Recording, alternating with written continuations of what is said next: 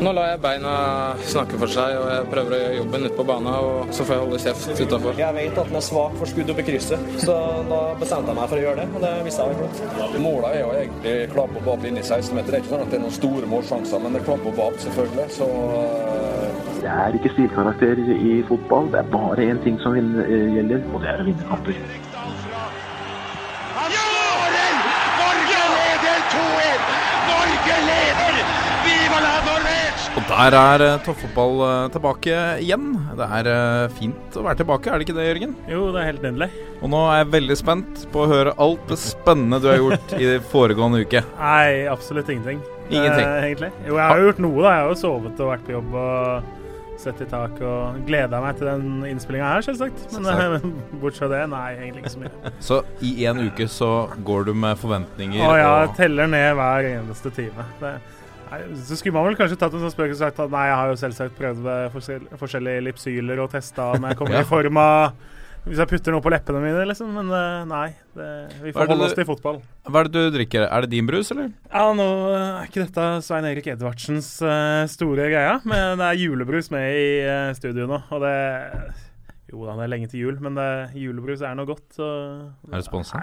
Nei, ja, man skulle trodd det. Så hvis Hamar og Lillehammer har lyst til å ta kontakt, så skal vi kanskje snakke om det mer, men det Som vi ikke Det er jo er litt ålreit. fra før, så skal vi sponse av en brusprodusent.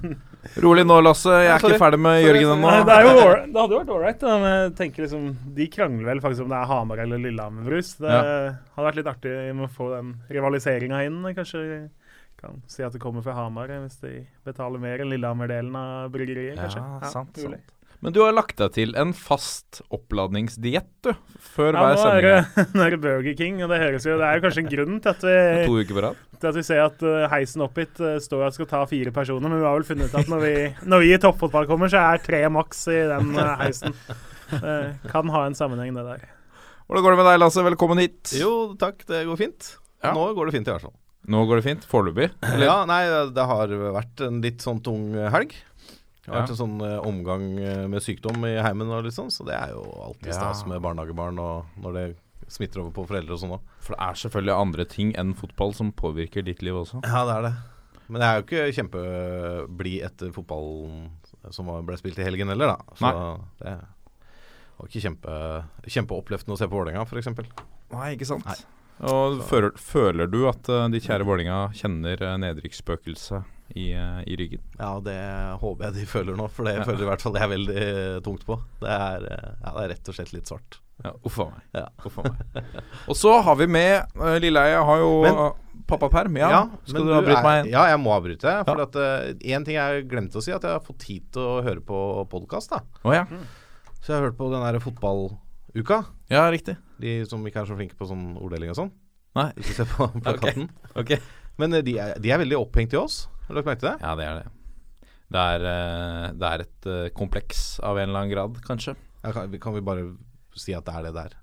Jeg vet ikke, De gjorde veldig narr av Håvard uh, her i forrige sending. Ja. fordi at han begynte å gjøre narr av de først. Ja. Og så så jeg at, at denne beefen nå blir omtalt på Twitter av en Hvem var det? Det skal jeg finne ut til, etter pausen. Han omtalte det som Arne Skau Knudsens vet, vestkantrapp. Han sammenlignet beefen uh, som den låta, som jeg syns er, er en fin sammenligning. Ja, for det Jeg føler kanskje at de tar det litt tyngre enn oss. Er det lov å si, eller? Ja, det virker litt sånn, men eh, du har en Vonbråten, uh, for å bruke det uttrykket, mannen i studio der som heier på Lillestrøm. Så jeg tror det er mye av det. Det er tøffe tider. Jeg må si en ting da Jeg så de hadde kasta Vålerenga-skjerfet. Jeg prøvde å komme og lage litt god stemning til skjerfsamlinga. Kasta det i søpla.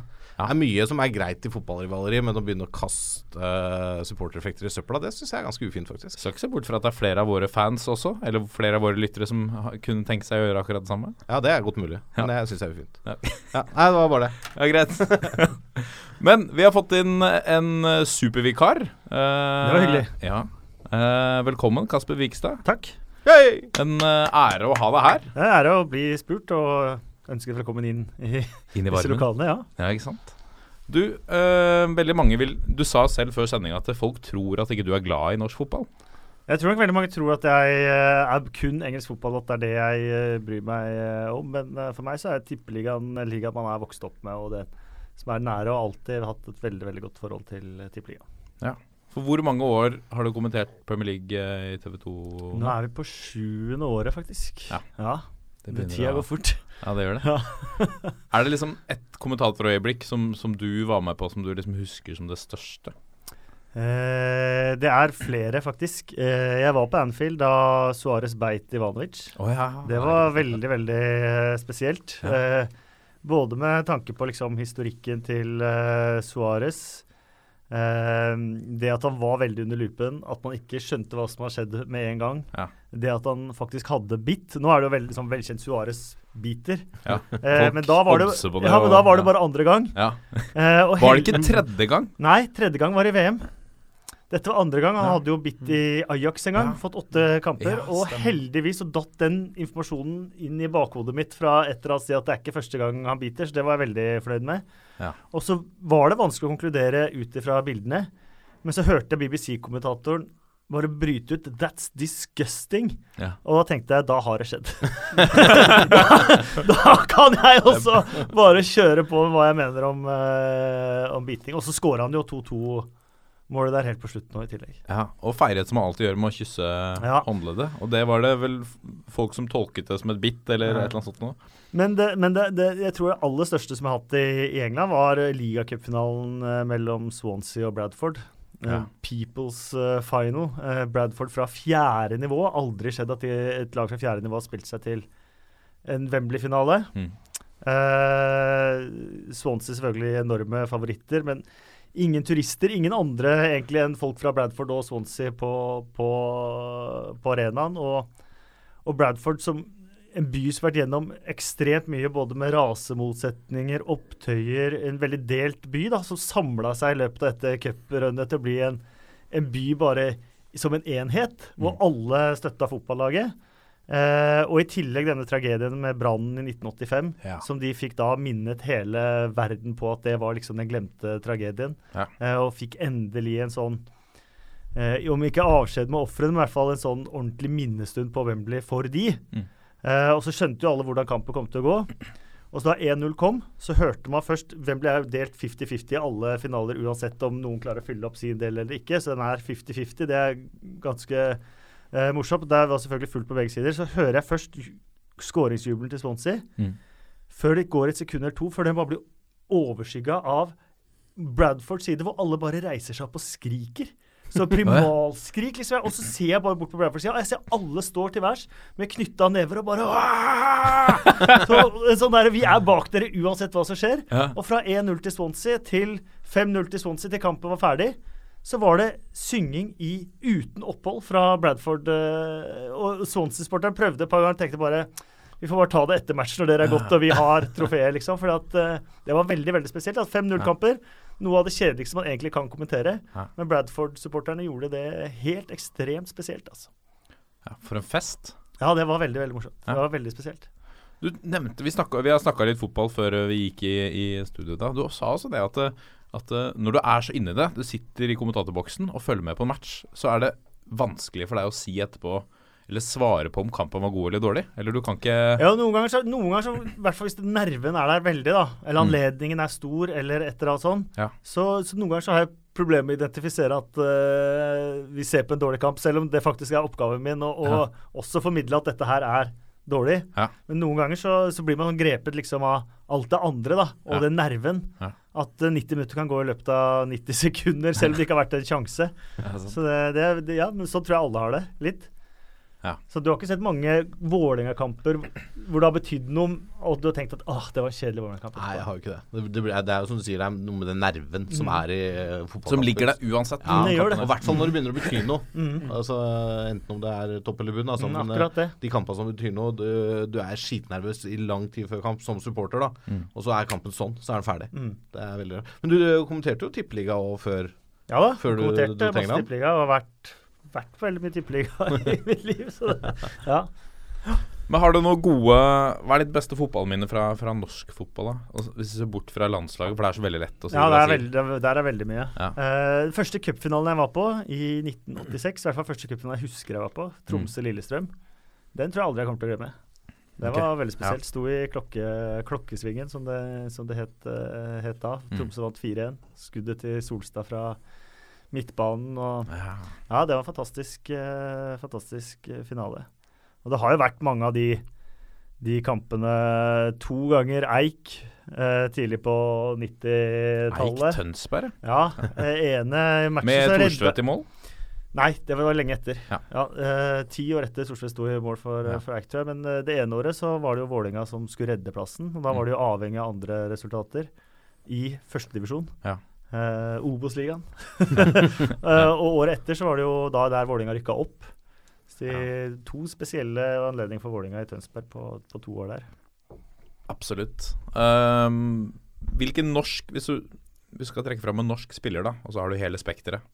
Hvem, hvem er det din store favoritt da gjennom, gjennom tidene? Ja, det har vært fryktelig uh, mange, altså. Ja. Det, det har det vært. Uh, men jeg syns det var spesielt den 1994-sesongen til Vålinga, hvor Vålinga spilte 0-0 mot Lillestrøm i første kamp. Mm. Vant 4-0 mot Sogndal i andre kamp. Alt så så lyst ut. Og så skåra de vel knapt et mål før uti august-september. De vant i hvert fall ingen kamper.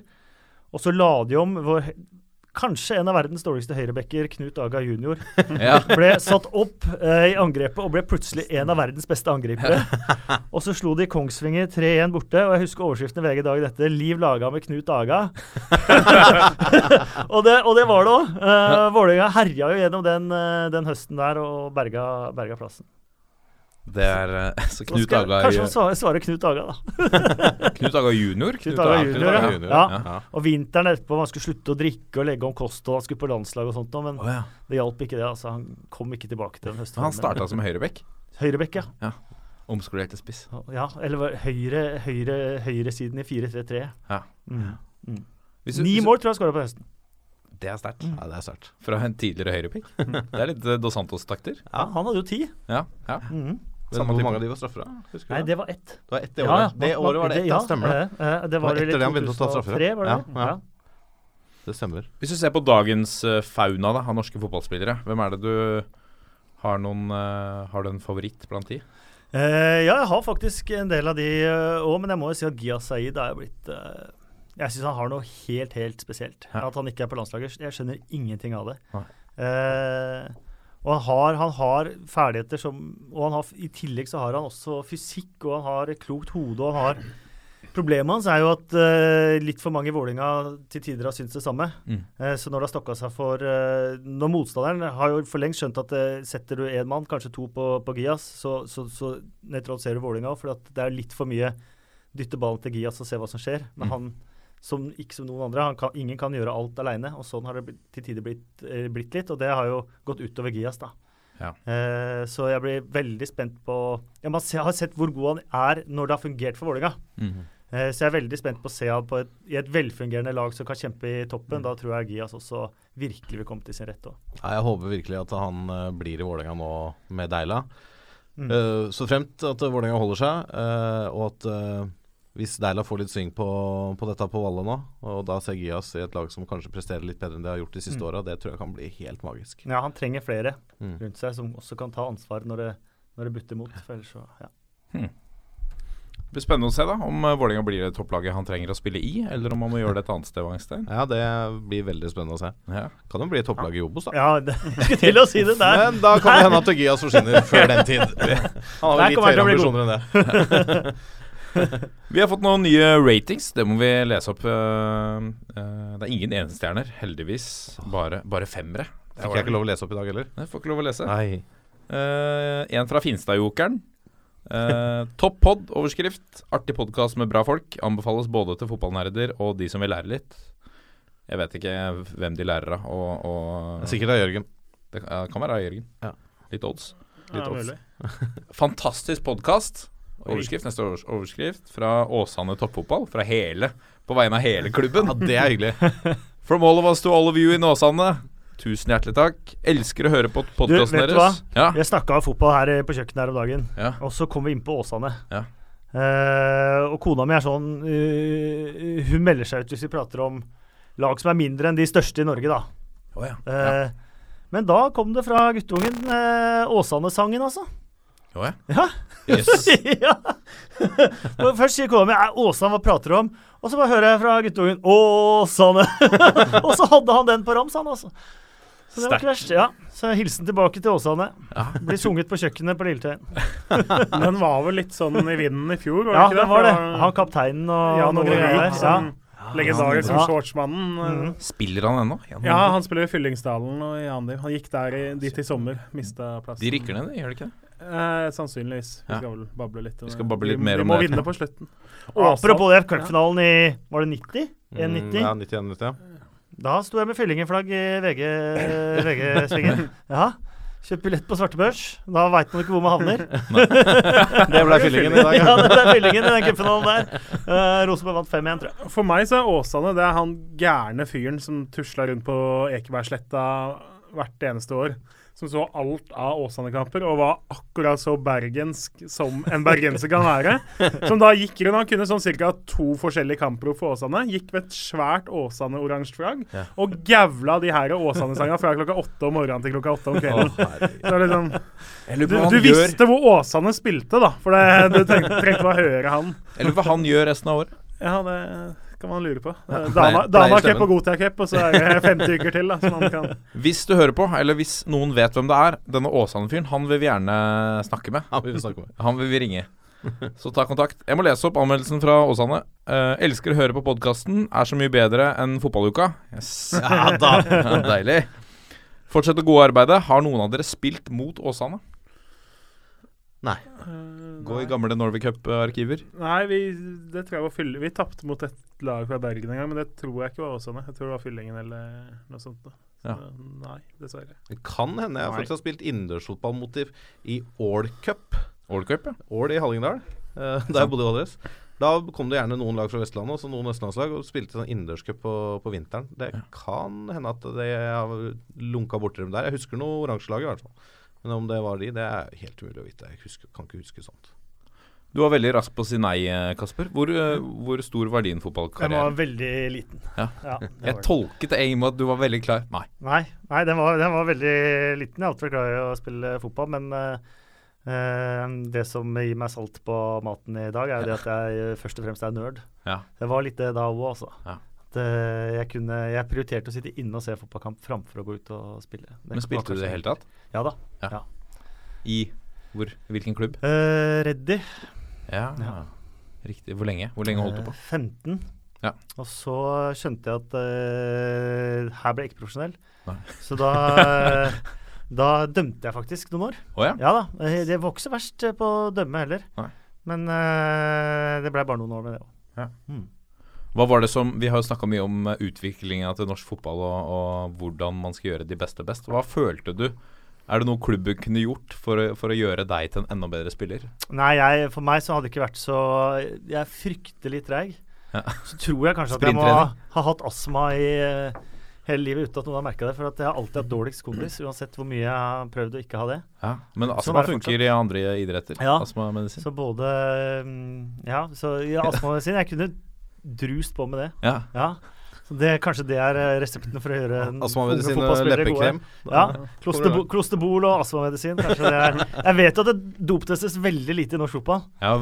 Var det noen doptester i Reddy? Det er sikkert ikke det. Har sikkert Nei. aldri vært det. Men, eh, men jeg gjorde en sak på det da jeg jobba som skrivende journalist eh, på dop i norsk fotball. Ja. Eh, og det de fortalte, var at de tester én gang i året, ca. i snitt. Ja. Eh, I hver klubb, eller? Eh, nei, og da tester de sju-åtte av tippeligaklubbene. Ja. Og i de så tester de fire-fem av spillerne. Mm. Ja.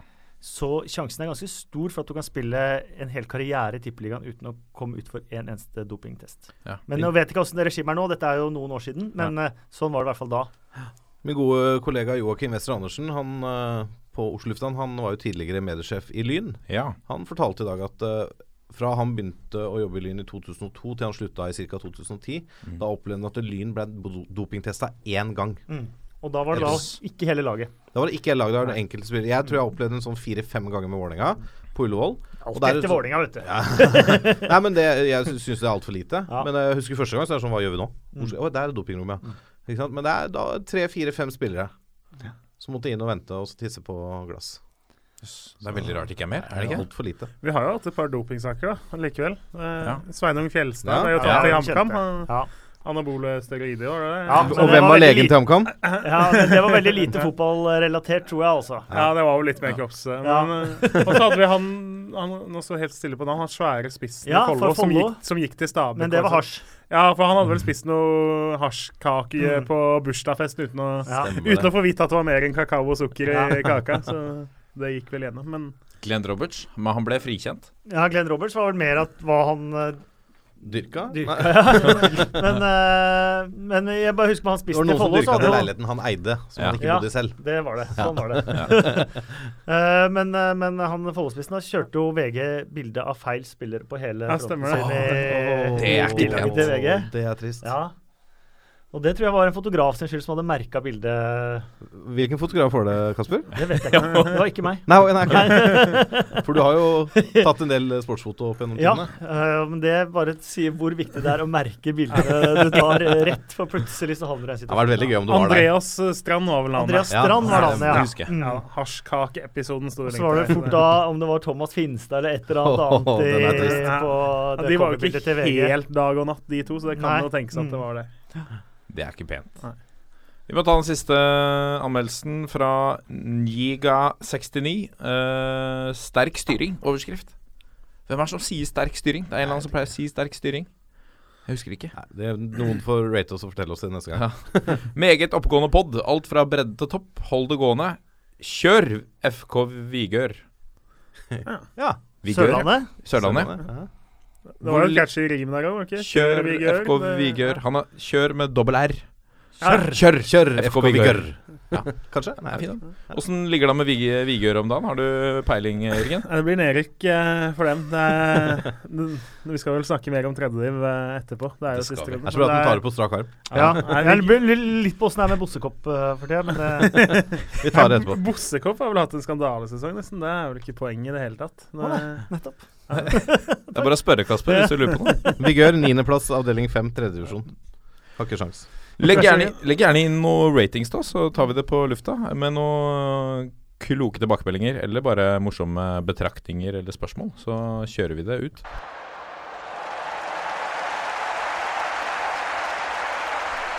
Og Da er vi kommet til eh, pulsen. Ukas eh, puls med det viktigste vi føler har skjedd, eller kommer til å skje. Vi skal snakke litt om både om eh, den nært forestående siste runden i både andredivisjon og tredjedivisjon. Det er viktige oppgjør som ikke avgjør en eksistens av en fotballklubb, men, men kan avgjøre om hvilket nivå de holder seg på.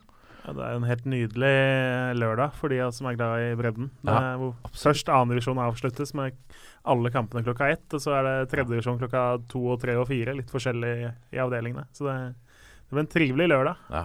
Avlys alt der hjemme. Det er breddelørdag på lørdag. Ja, her kommer Kom en ny bane på på. Groundhopper nå. Ja, ikke sant? Ja, det er mulig nå.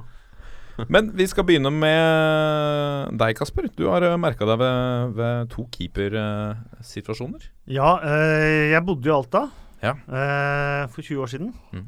Eh, og der eh, sliter de for tiden. Eh, mot eh, Tuil for noen runder siden så knakk førstekeeperen ankelen. Eh, så andrekeeperen han sto mot Stabæk 2. Det gikk fint. Men så tok han skulderen i neste kampen mot eh, Finnsnes. Eh, og så kom da juniorkeeperen inn mot Kjelsås. Eh, ble takla såpass at han ødela ankelen. Og Ja. trener eh, Rune Repvik, som vel hadde sine siste minutter som fotballspiller for ti år siden, måtte spille de siste fem minuttene. Som keeper? Ja, var han Som- keeper? Ja, han, var, han var keeper. keeper, Ja, okay, men ja. det er jo Mm. Mm. Noen år siden. Eh, og så eh, Da har man bare guttekeeperen igjen. Eh, men han sliter med ryggen, så de har faktisk ikke han heller. Eh, og de avslutter nå mot Harstad, og heldigvis for Alta så berga de plassen pga. andre resultater, selv om de tapte 1-5 mot Kjelsås, Mm. hvor Simen Stamse Møller for øvrig skåra et av målene. Ja. Eh, så da er alternativet mot Harstad eh, Rune Repvik, trener, la opp i 2006. Eller han de kaller ballkunstneren. Svein, ja. Offensive midtballspiller, angrepsspilleren eh, Svein Ove Thomassen. Men Svein Ove Thomassen han har bygd en ballbinge i hagen, eh, og der pleier han visst å stå i mål. Å ja. Ja, Så det er erfaringa så det er erfaringen han, eh, han har, da. Uh, så de må gjøre den vurderingen hvem, hvem som er da beste alternativet. Rune Repvik eller ballkunstner Svein Ove men Thomassen. Er jo, han er jo en ballkunstner, men han, er jo, han har jo ikke keeperkroppen. Han ruver jo ikke i feltet, for å si det forsiktig. Men han er Så- vel da et Pep Guardiola-valg? Ja. Han trener Rune ja, Repvik, da. Hadde Guardiola vært trener i norsk andredivisjon, så hadde Thomassen vært høyaktuell på keeperplass. Det. Men går det ikke an å få noe dispensasjon til å hente inn en på Nei. Det har de ikke fått. Fordi da må det være minst tre kamper igjen av wow, sesongen. Okay, riktig. Eh, for hvis ikke, så kan du liksom knekke beinet på en fyr, og så henter hun en verdensklassekeeper, som satt veldig på spissen. Se for deg det. Uh, ja, men det er liksom Ja, det er sant, det har jeg ikke tenkt på. Jo, men, men- Ja, men dere har sett 'Flukten til seier'? Ja. Med Michael Kane, Sylvester Stallone, Pelé og også Ardiles. Der gjør de jo det. Ja, og Halvard Thoresen, ikke minst. Der gjør de jo det. Der brekker du keeperen, eh, armen på keeperen for å få med Sylvester Stallone, som har hele fluktplanen, så han kan stå i, stå i mål. Så det er ikke helt Ah, urealistisk. for en nydelig referanse. Jeg hyller det. Du Jonny, du trenger ny keeper. Ta, ta fram foten her. Skal knekke, knekke, den med ball tre. Ja, da, da får du teste lojaliteten Ja. nå da, til klubben. Er du hardcore alfa nok, liksom? Alfagutt, eller? Oi, oi, oi. er Eller setter du deg selv foran laget nå, liksom? Det stiller han opp sånn. Så oh, fytti rakkeren. Herlig. Men i, i, du nevnte at det var en keeper i, i Mjøndalen også? Du vet hva, eh, en fantastisk keeper i Mjøndalen. Ja. Eh, iranske Sushi eh, Susha Makhani, Mm. eh, som sto for den beste klubben i Iran. Eh, men på sosiale medier så tok han et par fanbilder med jenter som var helt påkledd. Men Ja. ikke påkledd nok, ifølge den iranske ligaens moralske komité. Ok. Eh, så han havna først i fengsel. Yes. Og så ble han utestengt fra iransk fotball et eh, halvt år. Eh, og på den måten så havna han jo i Mjøndalen, hvor han, bortsett fra en uheldig inngripen mot Kongsvinger nå på mandag, har vært helt fantastisk. De er jo Det er uten tvil at Mjøndalen har spilt i Tippeligaen også denne sesongen, om de hadde hatt Han i fjor. han i fjor. Eh, og i tillegg så har han jo nesten 400 000 følgere på Instagram. Så Herregud. han er et sånn sosiale medier-fenomen. Ja, Uh, uh, vi har jo lagd en historie om han. Den, den er jo å finne på tv2.no for å ta den uh, reklame. Men Ja. eh, virker som en fantastisk fyr også, da. Det var vel litt med Det var vel ikke bare disse damene, det var vel også disse gule buksene han hadde på seg samtidig. Det, Og det er ja, ikke lov? Stemmer. Nei, og de svampebob-buksene det, det er klart, de ser jo umoralske ut. Altså, Fly rundt i gule bukser, det skjønner du. Jeg har aldri vært i Iran, men jeg, jeg ville ikke tatt med de mest gule buksene mine hvis jeg noen gang skulle tusla gjennom eh, hovedstaden der. Men det forteller jo alt om hvor tilfeldig fotballen er, da. Ja. Han gjør det stuntet, og så havner han i Mjøndalen. Og så har han skrevet under toårskontrakt òg. Og jeg vil tro nå, eh, med det han har vist, at eh, enten så har Mjøndalen en fantastisk keeper neste sesong, eller så får en klubb som ikke har altfor mye inntekter, gode penger på Makani. Mm. det er litt kjekt for Mjøndalen. da. Det må jo være lov å si at de hadde et visst keeperproblem da de var oppe i Tippeligaen i fjor. Så Det tror Med- jeg liksom, Med alle gutta-serien så tror jeg liksom hele Norge fikk med seg ja, det at det, det er vel ikke der noe- sleit de litt. Jeg har litt vondt av han. Hva Ja, Ivar har jeg. Andreas Form. ja, Han, ja. Jeg har litt vondt av han, altså. Ja. Eh, Etter å ha sett den serien. Eh, Han virka som en uh, jovial og fin Ja. fyr, men du skjønte at det, han hadde liksom ikke nivået. Men så var det jo den derre Ja, gutta, det var dere som rykka opp. Alle får kontrakt. Ja. Alle skal spille, og det var Ja. det de hadde.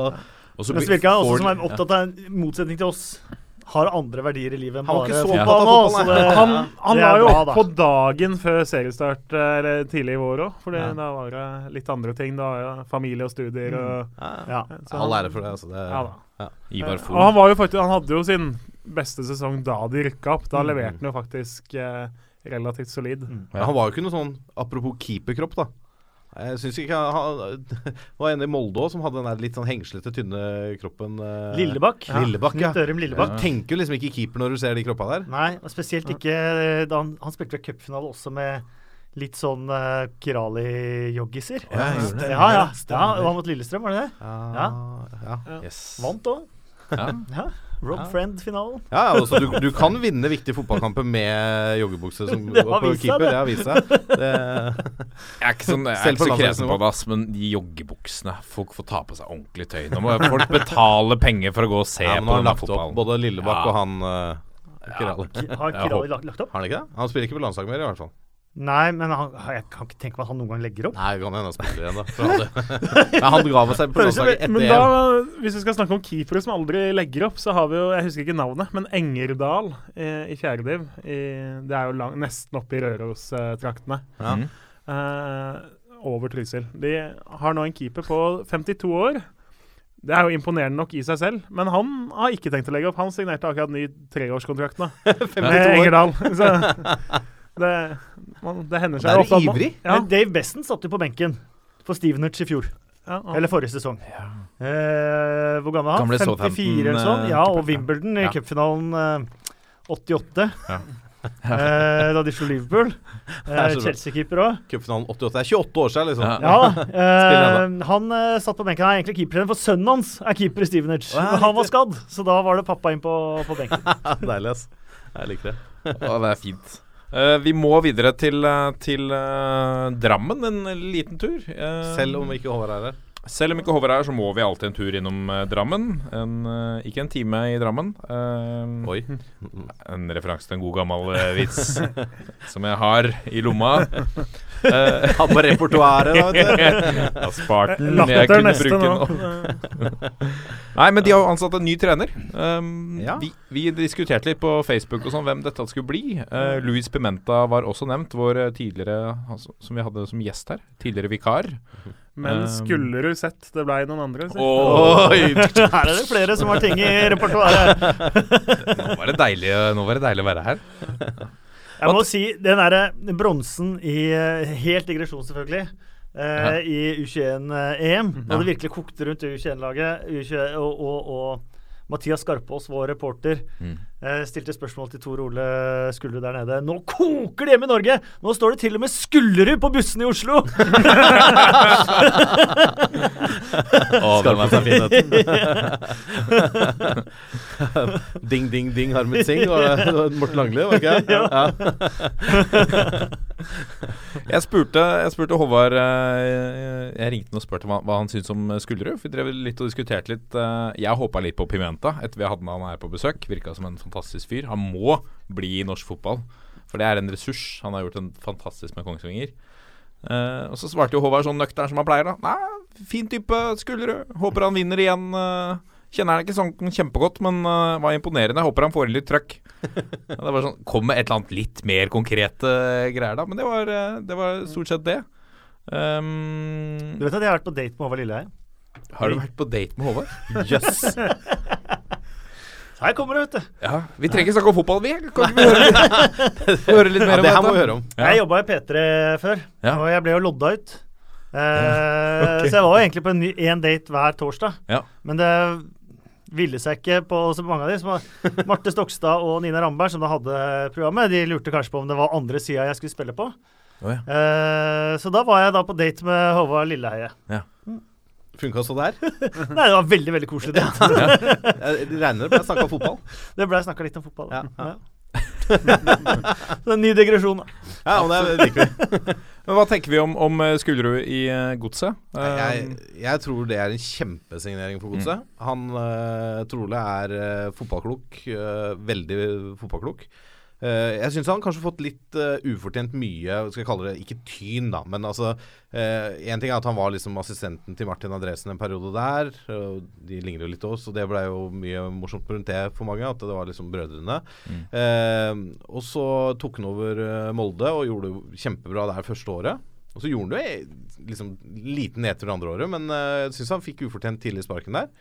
Og um, gjort det bra med U21. Eh, jeg tror det er en kjemperessurs for godset å få inn en sånn type eh, nå. Så er han en, han er en fin fyr. Jeg kjenner han litt Så er han, hvis du ser på CV-en hans, så er han jo mer merittert enn de aller fleste i Ja. Tippeligaen, med både cup og, Cup og seriegull. seriegull. Så det skal ikke kimse av det. Det er jo litt nye takter da, fra godset. Nå Mm. gikk det jo, altså Deila var jo helt ung og uerfaren da han fikk lov til å ta over etter Fagermo. Eh, David Nilsen hadde jo ikke vist noe på øverste nivå eller noe høyere enn annendivisjon han heller, før han fikk sjansen. Samme med BP nå. Kom jo helt, Det var jo ingen som visste hvem han var utenom de som er veldig godset. Liksom. Så de går fra å liksom prøve å finne de unge, nye trenerne til å gå til et trygt og sikkert navn. da. Mm, mm. Eh, tror de trenger det for godset. Det, det har jo blitt en litt sånn derre Litt nedtur denne sesongen. her. Gått Ja. elleve kamper uten å vinne nå. Nærmer seg nedre halvdel. Kan, Er det sånn at de er teoretisk sikre? Ja, det tror jeg det er. Teoretisk. Det blafres i papir, Ja. det sjekkes Ja, i tabell. Ja, de har 37. Ja. Eh, Nei da, de- altså, de kan få kvalik, Ja. men da skal alt gå Ja. veldig gærent Ja. på slutten Det har gått veldig gærent i høst, da. Ja da. De ligger på bånn hvis du tar høsten over ett, så er de det dårligste laget i hele høst. Ja, De møter Sogndal og borte i neste, og så er det hjemme mot Rosenborg. Så avslutter de borte mot Haugesund. Det er jo ikke De kan, kan de ikke teoretisk rykke rett ned òg? Ja, det kan kanskje ja. Hvis det ikke eh, Det Det er, er noe noe interne oppgjør, der, så ja. da ja, ja, jo da. Det er noen sekspoengsmatcher Da der. skal veldig mye gå gærent rundt om òg, da. Eller under. Ja. Det spørsmålet var du ikke forberedt på, nei. Nei. det har du helt rett i. Så da kommer Skullerud inn og skal berge plassen, rett og slett. Ja, det er det han skal. Han er redningsmann. Og klarer han ikke det, så er han ute igjen, eller? Det er trist. Ja, tenk deg man rykker ned, da. Ja, OK, sorry. Snakkes. Så så jeg, jeg så en nydelig tweet i går fra Magne Nilsen, som er mediesjef i Godset nå. Som hadde gravd fram et gammelt klipp for både Skullerud og BP, som var trener, er jo fra Kongsvinger-traktene. Ja. Spilte jo faktisk sammen da for Grue tidlig på 90-tallet. Så han hadde jo funnet en bortematch, Råde mot Grue. Der kom faktisk Skullerud inn som innbytter for BP Ingebrigtsen. Og det er jo fantastisk at uh, 24 år etterpå så blir han faktisk innbytter for BP nok en gang. Da. Den er ganske fin. Det er jo fine dager for Grue, da. Ja. Ja. Med Ståle Solbakken i Champions League og, Ja, Ja. og Skullerud inn her nå. Harald Hagen dømmer i team. Ja, ja. Grue, altså. På, er ikke Kent Bergersen også fra Jo, han eh, er Grue? vel Det er jo farlig å si at folk er fra stedet, men han har i Ja. hvert fall spilt der tidlig i karrieren. Da, så han er jo fra nærområdet om han ikke er derfra. Han er fra nærområdet. Det er, det er så skummelt å si at folk er fra Grue, og så får du høre liksom Nei, han er fra nabobygda. Ja, dette er folk, dette er folk fryktelig hverandre, opptatt av, faktisk. Ja, de er, det veit du sikkert som kommentator. Som uh, tippeligakommentator, har du sagt at noen er fra Grue, og de faktisk er to kilometer utafor Grue? ja, ikke sant. Da, da, har du gjort det. Da, får du vi høre det. Ja, da, ja, det er faktisk helt sant. Godt poeng. Da får du de mest svidde vaflene neste gang du er på Gjenslund. eh, Liksom. Apropos Distrikts-Norge, skal vi se litt nærmere på Nå er det den siste Vi snakker litt om det. Det er den siste runden i, i Post Nordligaen. Det er den siste runden i Har vi noen sponsor i tredjevisjon, eller eh, Nei, det heter det på tredje divisjon? Nei, de har vel Toppfotballigaen. Ja, Fotballigaen. altså, Toppfotballigaen. Toppfotballigaen.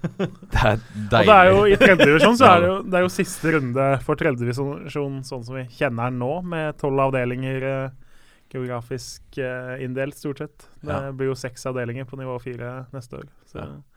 Det, det er jo faktisk et farvel til tredjedivisjon sånn en gravøl for uh, gamle andredivisjon og gamle tredjedivisjon. Ja. Skal vi begynne med avdeling én i, i andredivisjon? Tromsdalen er jo, Ja, eh, den er jo ganske ja. er jo ganske klar. Det er jo ingenting å spille for, faktisk. For er, Tromsdalen har rykka for lengst, og så handler det jo om å bli topp sju ellers. Altså plassene to til syv får være med til nye andredivisjon. Mm. Og Eh, og det er jo avgjort uh, for lengst at Finnsnes, Skeid, Grorud, Follo, Kjelsås og Alta er med. Så eh, syv betydningsløse kamper uh, egentlig der, da. For det er ingenting å spille om annet enn det er og, Du har, jo, du har jo Tromsdalen Tromsø 2, da. Lokaloppgjøret der. Ja. Det er jo sikkert I hvert fall uh, Jeg vil jo tro at Tromsdalen har lyst til å sette på plass ja, så poppes det vel champagne og sånn etter Ja, kampen. Og. Så er det mørkt der allerede, så kan vi kjøre noe fyrverkeri selv om klokka er tre. Og Så har de fantastiske supportere, har de ikke det? Tinnfotingene. Tinnfotingene. Ja. Ja, de er helt nydelige. Mhm. De har jo en liten sånn fraksjon på, som bor på Østlandet, med tromsværinger som reiser litt rundt på disse kampene Ja. de har her nede. Eh, jeg har faktisk stått sammen med de en gang på, på, på skistadion. Jeg har noen kompiser fra Tromsdalen. jeg tror de var fem. Ja, Og så sto jeg på det er jo der. herlig, det, da. Jeg husker jeg var på Hønefoss, eh, Tromsdalen, da faren min trente i 2002 eller 2003. Ja. Da var det to syngende Tromsdalen-supportere der. De, de hadde kjørt ned. Uh, starta da fredag kveld og rakk akkurat fram til kampstart uh, Oi, søndag klokka seks. Så det, det er dedikasjon. Det var som de der fire Zenit-supporterne, det. Det er jo ett lag i den russiske ligaen Ja, som som bare er er på andre sida av jordkloden. Ja. Ja. Så de kjørte jo i hjel den der Datsun eh, de hadde. Så de fikk jo faktisk ny bil av klubben. Fikk ikke lov å sitte på spillerfly tilbake. Du får en bil. En ny bil. Det er kult. Jeg tror jeg, Vi hadde jo Jørgen Jalland her på besøk. Jeg tror han snakka litt om det, at de turene der var helt forferdelige. Ja. De Hvor mange tider? Åtte-ni tidssoner, eller hva han snakka om. Det var helt drøyt. Ni tidssoner til kamp. Det er helt sjukt. De tre tidssonene i NFL i Amerika er ikke så drøye da lenger. Ah, nei. Det er. Men vi tar jo farvel da til eh, Stabæk 2 og Tromsø 2. To reservelag fra Eliteserien. Så mange reservelag som mulig å si farvel til de, er bare til det gode. Ja, du er på den sida av gjerdet, holdt jeg på å si. Ja. Ja. Mm. Jeg synes, jeg, nå som vi gjør om, så syns jeg faktisk vi kunne gjort det sånn at tredjevisjon burde vært det høyeste de fikk spille.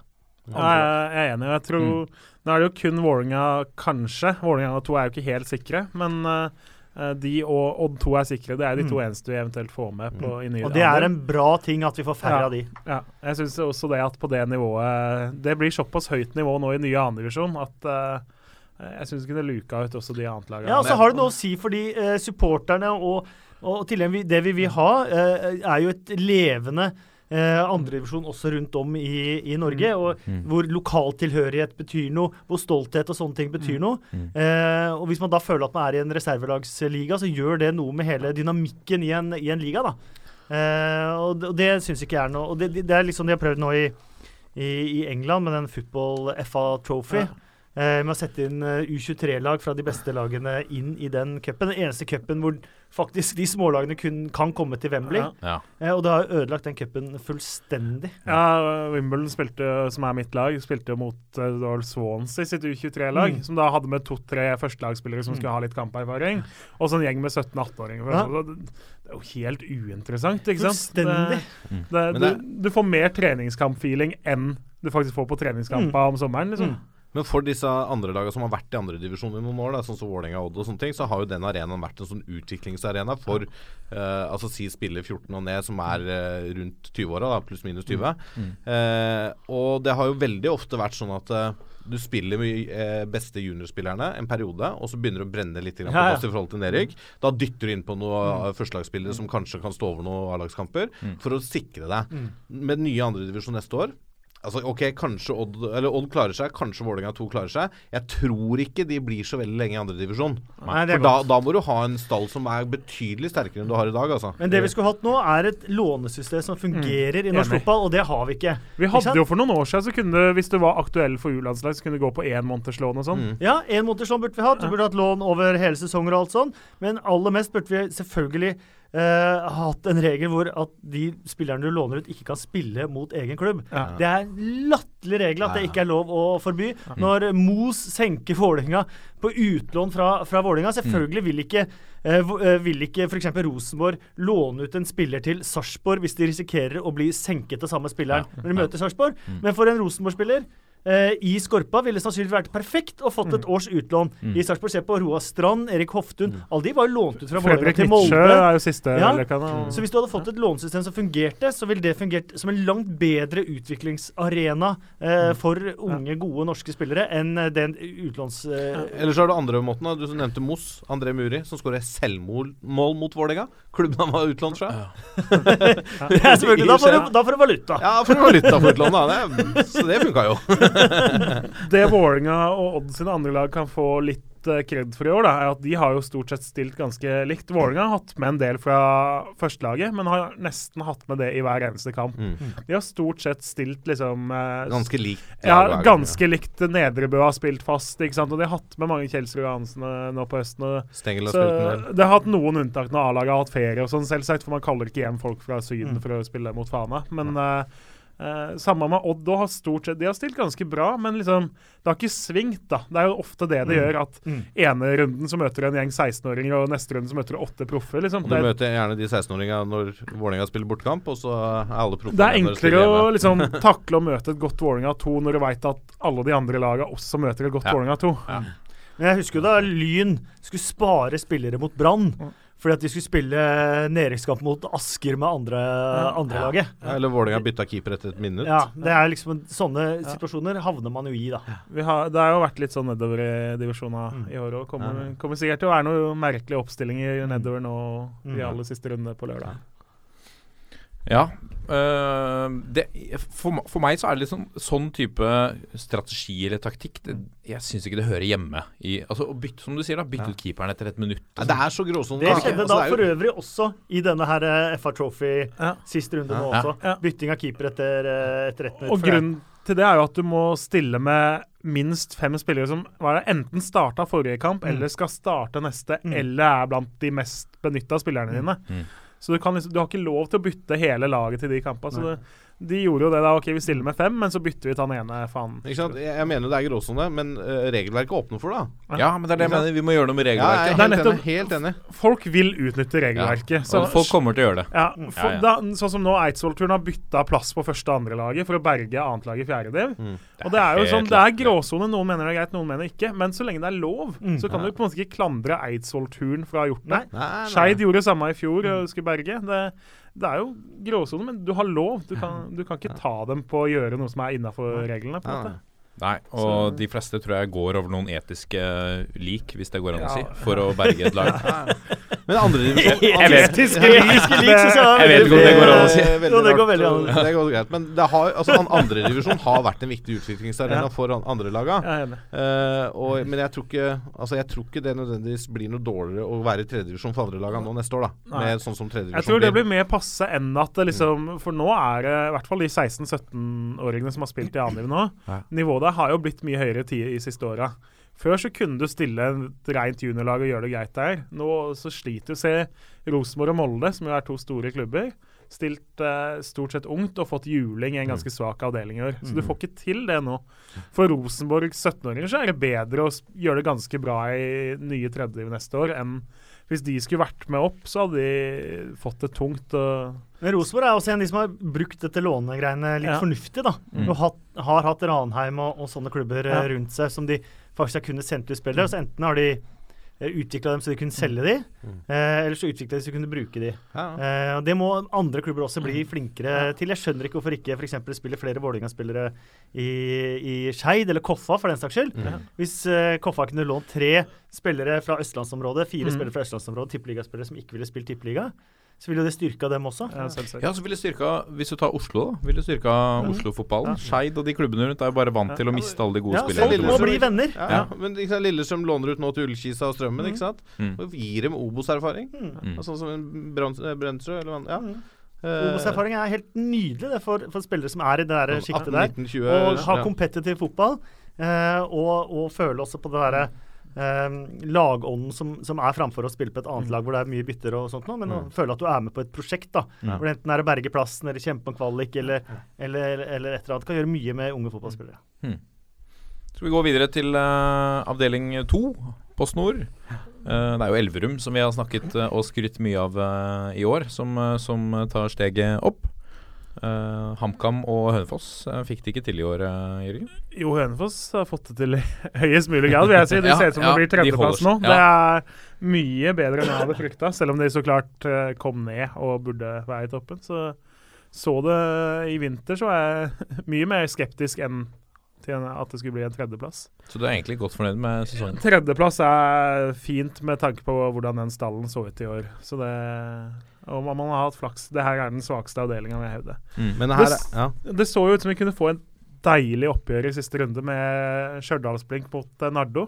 Mm. For det kunne blitt en rein eh, finale om å berge plassen. Eh, men så skårte Nardo helt på slutten mot uh, serievinner Elverum. Så det vil si at Nardo er berga i den avdelinga, sammen med Brumunddal og Nybergsund også. Så er det jo da Byåsen som har siste sjuendeplassen, og de møter jo da Rosenborg 2 hjemme. Ja. Eh, Rosenborg 2 har jo stilt fryktelig ungt nå i hele høst. Det, Så jeg tror vel, uten at jeg er oddseksperten i det Mm. studiet her, så er jeg ganske sikker på at en klink K på Byåsen Rosenborg 2 Ja. Du får ikke over 1,10 der, da. Nei, ikke sant. Og jeg, og jeg Det er vel i Rosenborgs interesse å, å å ha ha Byåsen der foran Stjørdalsblink, jeg er helt Så det blir jo overbevist om. si, Stjørdalsblink møter Nardo, Brattvåg møter Strindheim. Begge må jo selvsagt Vinner de der og Byåsen skulle snuble, da, så Mm. har de jo håpet. Men det, Men Byåsen snubler ikke. Så jeg tror selv om det ser på papiret spennende ut, så er ikke det her spennende. det er kjempeoverraskende om Byåsen roter vekk det når de har den opp matchen uh, i vente. Ja. Jeg vet ikke om du husker 1991, da Vålerenga hadde rykka ned. Eh, og så ser de at første bortetur det er mot Nardo. Ja. Eh, ingen hadde hørt om Nardo, som hadde da Roar Stokker som spillende trener, eh, tror jeg faktisk. Og de, trykka opp egne T-skjorter med 'Sirkus Vålerenga mot Arnardo'. og tapte 4-1. ja, ja, ja. Det var vel litt eh, omtrent der eh, varen er levert-nivået.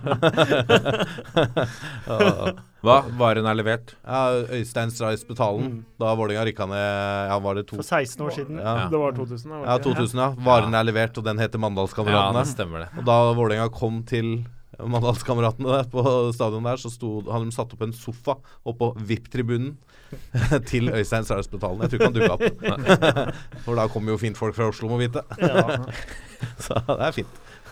Øystein Streis Betalen, som jeg for øvrig så på Norefjell med fortsatt den gamle Nevika heldress. Helt Oi! hvit. Yes. Med magebelte, til og med. Hei sann. Kjør, kjørte den på monoski? Nei, det var det eneste som mangla. Ah, En Bigfoot. mon- mono, monoski eller Bigfoot hadde vært deilig. Nei, ja. Vi skal ha en liten digresjon om uh, Nardo. Så Elsker jeg digresjoner. Der, jeg bodde jo der i tre-fire år. Så, eh, mye på Niskallen. Ja. De hadde flere hjemmekamper her for noen sesonger siden hvor de spilte i bortedraktene. Nardo har jo disse karakteristiske burgunderfarga hjemmedraktene sine. Ha, hadde da mange spillere, tre-fire tror jeg, som meg, eh, var fargeblinde.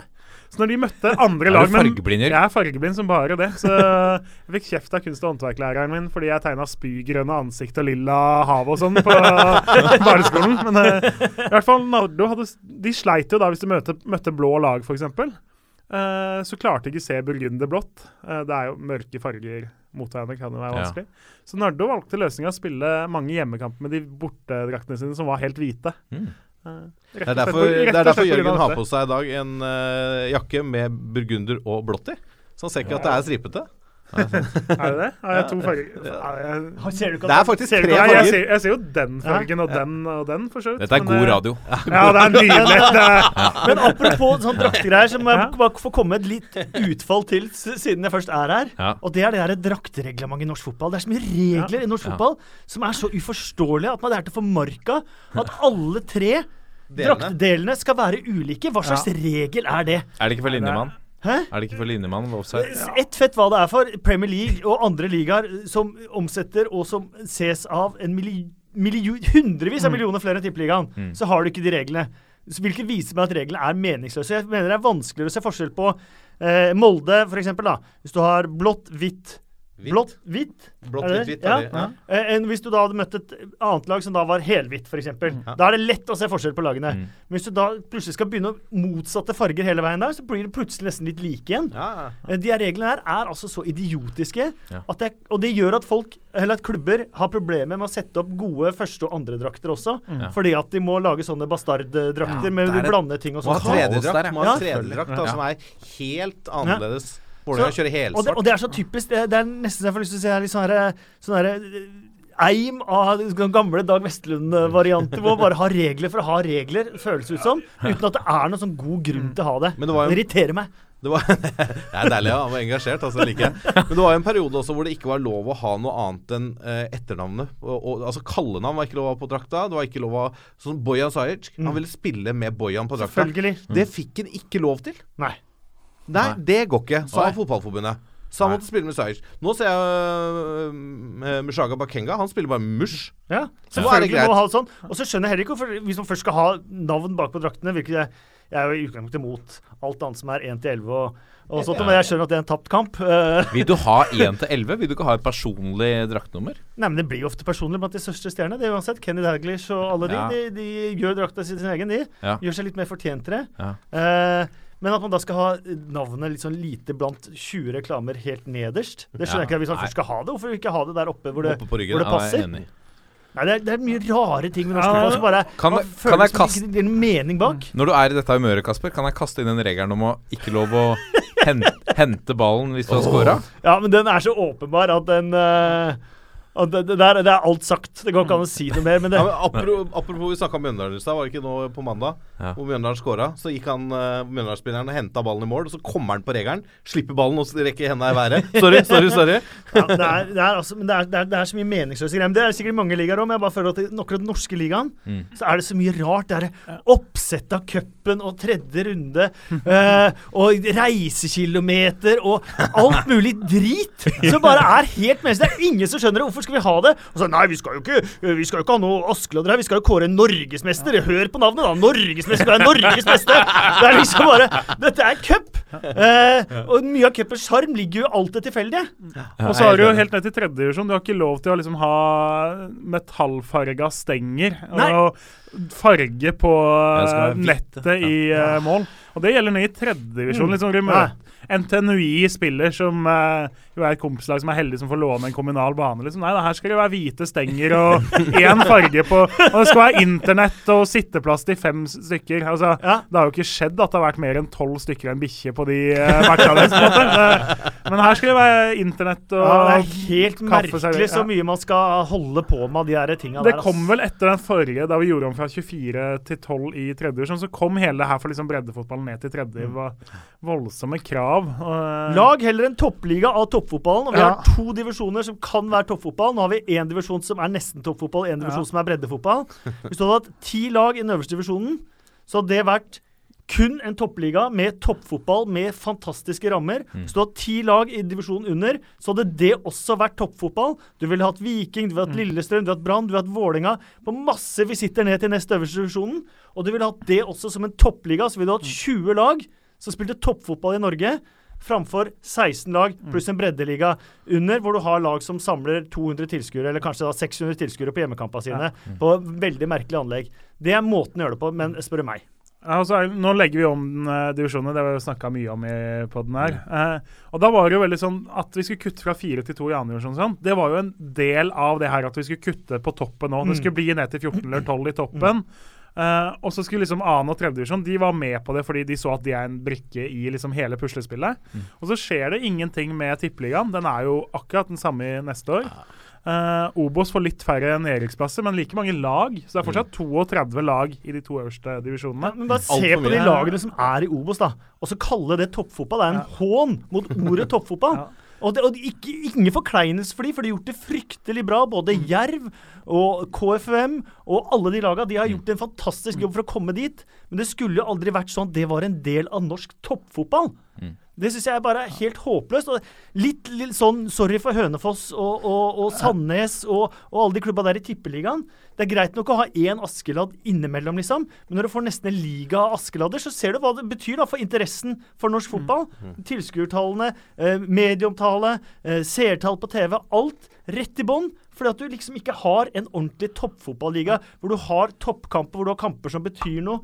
Eh, og, og jeg tror Du kunne fått litt den feelinga også i Obos-ligaen hvis du hadde hatt ti lag i øverste, ti lag i nest øverste. Tenk deg Vålerenga-Lillestrøm i Obos, da!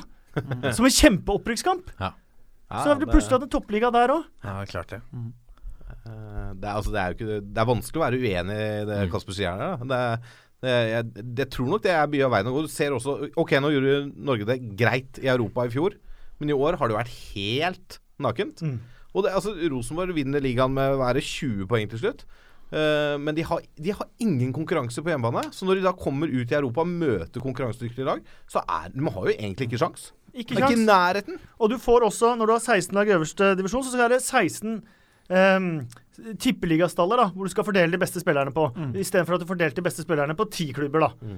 Eh, så ville jo selvfølgelig også samtlige de, av de ti lagene vært mer konkurransedyktige enn de 16 lagene er i dag. Og kanskje levert bedre spillere til landslaget. Definitivt. Så Det var min mening. Sorry, Ja. det var en lang dig digresjon. Nei, det er en fin eh, diskusjon. Det er, Vi- vi er eh, Digresjoner er vi veldig glad i. Det, det hender at det skjer her. Ja, det har skjedd. Det har skjedd. Ikke så ofte som nå. Nei. Hvis vi skal Apropos, apropos disse små, små lagene, da. Andredivisjon avdeling, eh, avdeling 3 er vi kommet til nå, med Florø på topp. Da må vi vie litt plass her til eh, ja, selv om vi nå har på en måte slakta at det kommer mye sånn der eh, altså Florø har jo ikke noe Hvis du skal tenke på toppfotball, så har jo ikke de noe på nivå to å gjøre. Men sånn som ting er nå, så er det jo Definitivt. dødssjarmerende Ja. og herlig at vi får opp et lag som det. Eh, og det som er litt fint med Florø, er jo at mange av de lagene som har kommet opp siste året, har jo henta liksom, og svensker og litauere og satsa på det. Florø spilte jo nå opprykksfinale mot Toer Nest Sotra. Eh, forrige lørdag. Mm. Alle ti utespillerne er født i Sogn og Fjordane. Det er helt Flesteparten av dem har spilt, eller ganske mange av dem har spilt uh, i Florø siden de uh, kunne, ikke kunne knytte listene selv. Jeg har fått Treneren, Terje Rongsø, han var jo helt uh, på gråten. Han ble intervjua av NRK. Han har trent dette laget siden de var lillegutter. Ja, det, det. Mye av det er. Florø sitt eh, 1995-lag var en gyllen årgang. De hadde to tvillingpar. som Hove, som uh, kanskje ikke jeg snakka så mye om, men så Petter og Stefan også, som begge har vært innom Sogndal og Ja. ikke fått det helt til der. Eh, og så et par andre også. De hadde liksom fire-fem veldig gode spillere som på nasjonalt nivå i samme årgang. Mm. Fant vel ut i 2010 at eh, vi skal satse på ungdommen. Så de fikk i en alder av 15-16 år akkurat hatt konfirmasjon. Fikk sjans, liksom, det her skal bli Florø. De hadde en plan, la det for den gjengen som da gjorde, var blant de beste 95-lagene i Norge. Eh, og så har det liksom kommet inn noen kommet uh, Kupen som har kommet fra Tornado Måløy, og liksom én fra den nabobygda, én fra neste årgang og sånn. Jo, men det er jo greit at du Og så har henter de, en og, annen. ikke sant? Og så har de hent, ja, ikke sant? Og du henter fra Tornado Måløy. Du Mm. henter ikke fra Litauen, på en måte, eller noe annet. Det, uh, lagt stein på stein. Klatra, gjort det litt bedre hvert år. Mm. To sjetteplasser på rad i andredivisjon nå før de i år har blitt eh, et topplag. Og det, Hauger folk på tribuna i den eh, Ja, det- siste matchen. 2700 tilskuere. de har hatt en langsiktig plan og hatt troa og fulgt den og klart det. Uh, Anne Rogsø hadde jo et kontroversielt utsagn her for noen år siden, hvor han mente at uh, spillere som skulle satse for dem og på det nivået, burde droppe studier og utdanning i noen år for å satse på fotball. Han fikk jo mye pes da, men uh, som han sa nå, at noen valgte jo å drite i det han sa, og valgte utdanninga, men har klart å kombinere det med spill eller komme tilbake til klubbene. Mm. Uh, sånn. Så de, de har gjort et fryktelig godt arbeid med en god generasjon, fått masse ut av det, og bygd klubb og bygd treningskultur. Da, og litt ja, hvis du kan kalle det toppidrettskultur. I hvert fall noe som Så godt du får bygd toppidrettskultur i en annendivisjonsklubb. Ikke akademiakultur, men uh. Men de er jo da, de er jo da altså det laget i, uh, altså i toppfotballen da, som tar uh, flest poeng i snitt. Ja. Eh, 2,64. Vunnet i hvert fall 10 kamper på rad, har jeg, og har jo da Endre Kupen, da, som er toppskårer i tre øverste. 26 mål på 25 kamper. Jeg kunne Endre Kupen gjort det i Tippeligaen neste år? Vi har snakket litt om det. Han Det- er en liten, kjapp uh, Han er jo en spillertype som kunne gjort det OK. Det blir- 25 var han ikke det? 25 år? Jeg har alltid litt trua på sånne 90 målskårere fra ja. det, det Ja. nivået opp. Ja, At de kan skåre mål på nye nivåer. Ja, Det De, de griner jo kanskje ikke over at Førde havner på sisteplass heller. Nei, det tror jeg ikke de gjør. Eh, Førde fikk vel litt oppmerksomhet i fjor, eh, eller var det? Ja, var Ja, det De hadde jo et, cup, cupkamp der, Ja, ja. Førde mot Florø og sånn. også Begge mener jo at de sitter på en juvel av en plass, mens det andre er et høl. Ja, ja, selvfølgelig. Det er, sånn er det jo. Men altså, i, eh, i avdeling tre, da, så er det jo Vi var så vidt innom det. Det er jo spennende om hvem som får den siste sjuendeplassen. Det er jo egentlig tre lag her som kan eh, Eller fire, vel? Ja, det er mange. Så det Ja, kunne fem, jo vært uspennende, for Vålerenga 2 møtte Fyllingsdalen hjemme nå forrige runde. Hadde Mm. Vålerenga 2 vunnet den Ja, borte. så hadde, ja. mm. Nei, hjemme. I forrige runde var det bortekamp på Vålerenga, i hvert fall. Eh, var det, Ja. Jeg husker ikke hvem du møtte. da Ikke krangle om det. Nei, det er jo. Jo, det er helt riktig, for da møtte dere Stord. Det var runden Ja. før. Hadde Ja. de slått Fyllingsdalen eh, hjemme da, så hadde mest av spennende. Men nå er det jo faktisk sånn at uh, det er jo fem lag som kjemper om fire plasser, da. Ja. Så de fleste av dem klarer det jo. Det, er fire av de fem, tror jeg. Fire av de fem. Ja, ja fem av fire, så er det. det er sterk, Du sa de eh, fleste. De fleste. ja, De fleste av fem. Ja, av de. Ja. Men det blir jo Altså, du har da f.eks. Nessotra Fyllingsdalen, da. Hvor da Ness Sotra vel ikke har noe å spille for. De kan ikke ta inn Florø, og Egersund er ikke i nærheten bak der. Eneste Nessotra har å spille for, er at de har vunnet samtlige tolv hjemmekamper så langt i år. Ja. Eh, det er et par andre lag som også har klart eh, i de fire øverste. Så de Det er klart at det å kjempe for å ha den beste hjemmestatistikken i fire øverste divisjoner er ikke et supermål, men uh, har du vunnet de tolv første, så har du liksom lyst til å vinne den 13 òg, da. Ja, ja. Og så har du da Så er det avslutningsmatchen. Altså Siste mulighet til å underholde publikum på hjemmebane. Så har du da Vålerenga 2 mot Egersund, hvor da Egersund og heller ikke har noe å spille for. Men er et lag som altså, At Egersund De har jo henta Når vi snakka om folk som henter folk fra Litauen og Ja, ja. De har jo en hel, de har et helt lag av utlendinger. Jeg tror jeg har hatt 30 forskjellige utlendinger de siste åra innom eh, og satsa tungt. Mm. Eh, de er nå 23 poeng bak uh, Florø. Det Er fortsatt power Var det Bengt? Seternes som starta der oppe? Bengt Seternes. Nå er det Maurice Ross som er oh, ja, trener. Ja. gamle skotske Gode gamle. Ja. Ja. Han, ja. Millwall og Viking. Ja. Riktig, stemmer det. Stemmer. Så det er klart at Vålerenga har en tøff motstander. da, For Ja, Egersund var kjempefavoritt til å vinne denne avdelinga før sesongen. Og Vidar har- møter eh, Stord. Vidar møter Stord, som er svake og ikke har noe å spille for. Vidar har hatt en elendig høst, men skal jo slå Stord eh, hjemme. Mm. Bør det. Brede Hangelands. Ja. Og så er det da, fa ja, og så er det da Fana som uh, Møter Frigg, møter. Frigg hjemme. Frigg og har en haug med elendige resultater på bortebane. Uh, så klart at et Fana med alt å spille for skal vinne den. Uh, Vard skal slå Sola, og Vidar skal vinne sin. Så det er sånn spørsmålet om Vålerenga 2 eh, klarer det mot Egersund, og hvis ikke klarer da Fyllingsdalen det eh, umulige nest, borte mot Nest. da. Ja. Alle de, Vida, Vard og Fana skal klare å avgjøre det selv. Så du jeg blir vel egentlig da Vålerenga 2 og, Og Fyllingsdalen du står blir, mellom? ja, mitt tips. Jeg blir overraska hvis ikke det er en av de to som får siste nedrykksplassen. Det er bergensderby, da. Ja, det er det. Det Åh, kalte vi akkurat uh, Sotra for Bergen, eller var det en annen? Ja, nei, er det ikke- er ja, ikke det er jo nesten, Bergen? det er jo nesten men, da, det er, jo- men da vi snakka i stad om å ikke fornærme folk fra okay. Grue, så det kan hende Ja, folk fra Sotra er sinna for å Ja, jeg, jeg skjønner meg veldig lite på det bergenslaget, for de har to navn alle sammen. Jeg er veldig Ja, glad når Arna-Bjørnar og- Ja, Arnar-Bjørnar og Ness Sotra og alt mulig. Jeg er veldig glad for at Fyllingsdalen har slo seg sammen, at det ikke ble, ble to lag. Du har jo, du har jo folk som kaller Stabæk Vålerenga for byderby, så det er sikkert er det- innafor å kalle det. Langt unna med Sotra. Sotra er jo egen kommune og egen øy og Er det alt mulig. Ja da. Egen Så det Ja, da legger jeg meg flat for den. Vi kaller det et Hordalandsderby. Du lærer ikke mye Hva heter det? Mye geografi av han du av og til har på sida når du kommenterer fotball, i hvert fall. Eh, Jeg burde ha lært mer, ja. Ja, Jeg burde ha lært mer. Han hadde nok gitt meg en smekk over kjeften der. For Det- Han blir veldig fornærma hvis jeg sier feil, han. Og han har tålt det. Det bør han Vi var jo og kommenterte Osterøy. Ja. Norges største innlandsøy. Ja, Ja. Det vet du. Og det skulle jeg egentlig tatt med skjerf til dere til uh, samlinga deres. Ja. Osterøy-skjerfet, for det er jo gult og grønt. Det er veldig fint. Stilig. Gult og grønt, da. Norwich. Fikk inn den, da. Andredivisjon avdeling fire. Arendal er jo klare for lengst. Ja, Der er jo også alt avgjort. Arendal eh, har rykka opp eh, i suveren stil. Og eh, Notodden, Bærum, Vindbjart, Fram, Larvik, Odd 2 og Asker er sikra spill i nye andredivisjon.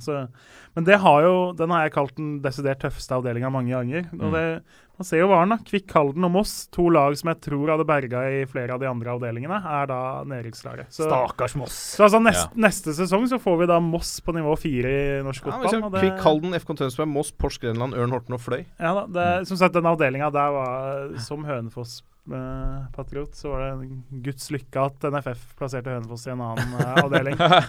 Men når vi er i den uh, avdelingen der Ja. også, Vi har jo tidligere snakka om Norges Vardi. Ja. I, I den avdelingen her så er det jo litt målskårere. ja. Uh, ikke Edre Kupen-antall, men hvis vi tar Mar Markus Naglestad først, da. Mm. For Fram Larvik. Han har skåra altså 23 av Larviks 56 mål så langt i sesongen. Det er pent. Det er ryddig. Meget pent. Ja. Mm. Nå har han, De ligger på femteplass og klarer seg. Uh, um, på plassen foran uh, Fromme Larvik finner vi Vindbjart. Der har vi en uh, gammel tipp... Det er kanskje drøyt å si tippeliga-kjenning, men han har i hvert fall vært innom tippeligaen. Øyvind Gausdal. Var han i Molde? Nei, han var i start en halv sesong en halv da de skulle berge. For øvrig i 2011 han spilte én kamp. Han spilte 14 minutter borte Ja. mot Fredrikstad. Ja. Skåra 1-1 etter 90. Så han har 14 tippeligaminutter, én skåring. Men han har jo Tidenes mest effektive tippeligaspiller. han har jo de fem-seks siste åra dunka inn mål og vært Ja. blant de mest mestskårende i alle andredivisjonsavdelingene alle årene.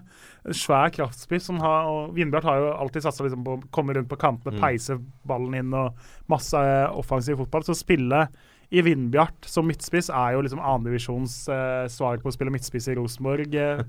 Du får alt er, Du blir Du får så mye sjanser at du kommer til å skåre over 20 hver sesong. Ja, han han, han skåra 23 år, da, av Ja. 63. og han er ikke sant, en svær, eh, spiss bra på huet, tøff i boksen, ofte der hvor ballen havner. Av, av de to så holder jeg nok en knapp på Gausdal, for han har bare én straffeskåring. Naglestad har fem, er det vel? Mm. Ja. Men, eh, men det er klart han er 30 år da og har fått prøve seg tippeliga. Jeg er litt usikker på om han blir årets Vardy i den poden her. uh, Nei, kan det er også strenge nevne- kriterier. Ja, strenge kriterier. Kan, eh, kan du nevne som en sånn bisetning William Pepa fra Arendal. 21 av klubbens 71 mål, ingen uh, straffer. Men eh, 21 mål for opprykkslaget er, lar seg høre, det òg, altså. Absolutt. Men vi kan kanskje nesten eh, kalle han Norges Andre Gray, kanskje? Ja, noe sånt. Ja. Eh, For han gikk jo litt samme veien, toppskårer i Luton og Brentford og så Burnley. Man har jo ikke vist det på toppnivå ennå, Nei, nei kanskje. bortsett fra mot Liverpool. da. Bortsett fra mot Liverpool. alle, alle lykkes der.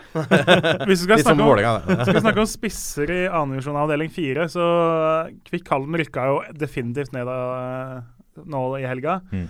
Almir eh, Taletuvic, spissen der, fikk først gult, hvor han kanskje han følte seg litt urettferdig behandla, for han ble dytta og liksom sånn. Så får han da et nytt gult seinere, eh, altså rødt. Tar det da på den fine måten at han dytter til dommeren og prøver å ta fra dommeren det røde kortet.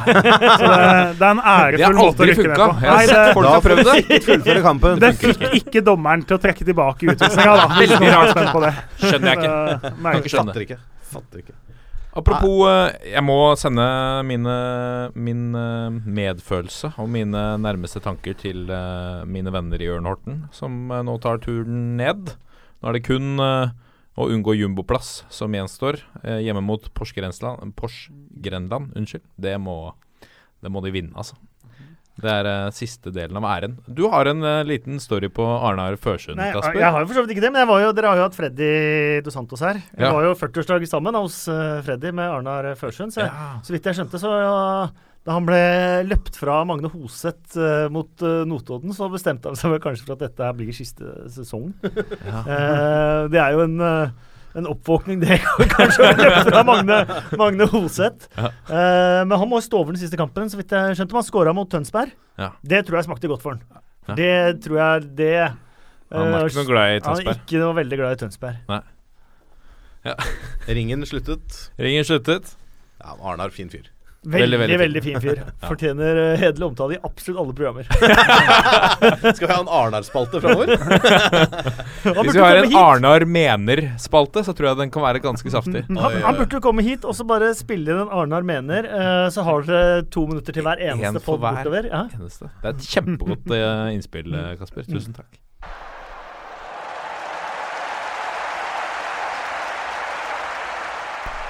Og så er det også siste runde i eh, tredjedivisjon. Skal vi bare kalle den toppfotballdivisjon, eller? Siden eh, Ja, det er jo ikke langt unna. Det er i hvert fall få andre podkaster som bruker like mye tid på tredjedivisjon som oss. Det kan vel uh, påstå. Det er kanskje derfor topp, det er fotballuka ikke liker oss. Ja, det kan være. Ja. Det kan være det. Hva, hva er det som skjer i, i siste runde der nå? Det er litt uh, være eller ikke være også Ja, det er for jo- eh, tredjedivisjon. Det er tolv avdelinger da Mm. i tredje divisjon. eh, hvor i avdeling 1 til 10, hvor det er 14 lag, så er det topp fire er sikra å få spille tredjedivisjon neste år. Mm. Og de åtte beste femmerne. Ja. Eh, I da avdeling 11 og 12 så er det topp fire som, eh, som går eh, videre. Og de, er jo, og de er jo ferdig. Det er jo de to nordligste avdelingene, så de gjorde seg ferdig nå for halvannen uke siden. Ja, ikke sant? Så det er jo øh, Hva skal jeg si øh, det, det er noen avdelinger som egentlig er klare. Altså Hvis du tar avdeling 1, 3, 4 og 9, der er det De kommer til å bli eh, Hva skal jeg si topp eh, topp åtte. Ja. Eh, Femtelaget der, Så om du havner på fjerde- eller femteplass der, har ikke så mye å si. Som, som i avdeling 1. da Drøbak, Frogn og Sprint Jeløy kjemper om femteplass, fjerde- femte- femteplassen. Det har ingenting å si for om de spiller i tredjedivisjon neste år. Nei, sant. Eh, I avdeling to um, så har du Lokomotiv Oslo på fjerdeplass og Kjelsås 2 på femteplass. Kjelsås 2 møter Strømmen 2, og Korsvoll eh, tar imot Lokomotiv Oslo. Jeg kan ikke høre på at noen snakker om Korsvoll uten bare å nevne min gode venn Jo Ellingsen. Ja, det må du gjøre. Ja. Han har Korsvoll-medaljen. Over 200 kamper Oi. for uh, Korsvoll. Yes. Ifølge han så henger den Korsvoll-medaljen helt ekstremt høyt. Ja. Har du Korsvoll-medaljen, så hevder du at den henger ekstremt høyt. Så det Men 200 kamper for noen som helst klubb er jo bra. Ja da. Så det Så Jo Ellingsen, eh, da er han nevnt, for, Ja. i, i og med at Korsvoll i hvert fall ikke glemt spilleren ennå. Nei, det Nei, gjør ok, han ikke. nei. Eh, I denne avdelinga her så er det jo litt kaos, fordi Lokomotiv Oslo har jo sendt inn en protest på Kjelsås 2 sin forrige kamp mot Hasleløren. Fordi uh, Kjelsås 2 møtte Skeid 2 i runden før. Uh, der var, fikk Espen Garnås, midtstopperen, fikk gult kort. Ja. I kamprapporten så står det at Jens uh, Aslaksrud, heter han vel, hadde fått det kortet. Det var helt feil, men det drakk nummer 6 og 16. Uh, Aslaksrud skulle da, hvis han hadde fått kortet, da, vært suspendert mot Hasleløren. Eh, men det sto ikke på fotball.no. Ingen hadde jo fått med seg at dommeren hadde skrevet at han fikk det i kamprapporten. Aslaksrud skårte da for sikkerhets skyld eh, seks mål i 8-1-seieren over Aspmyr nå.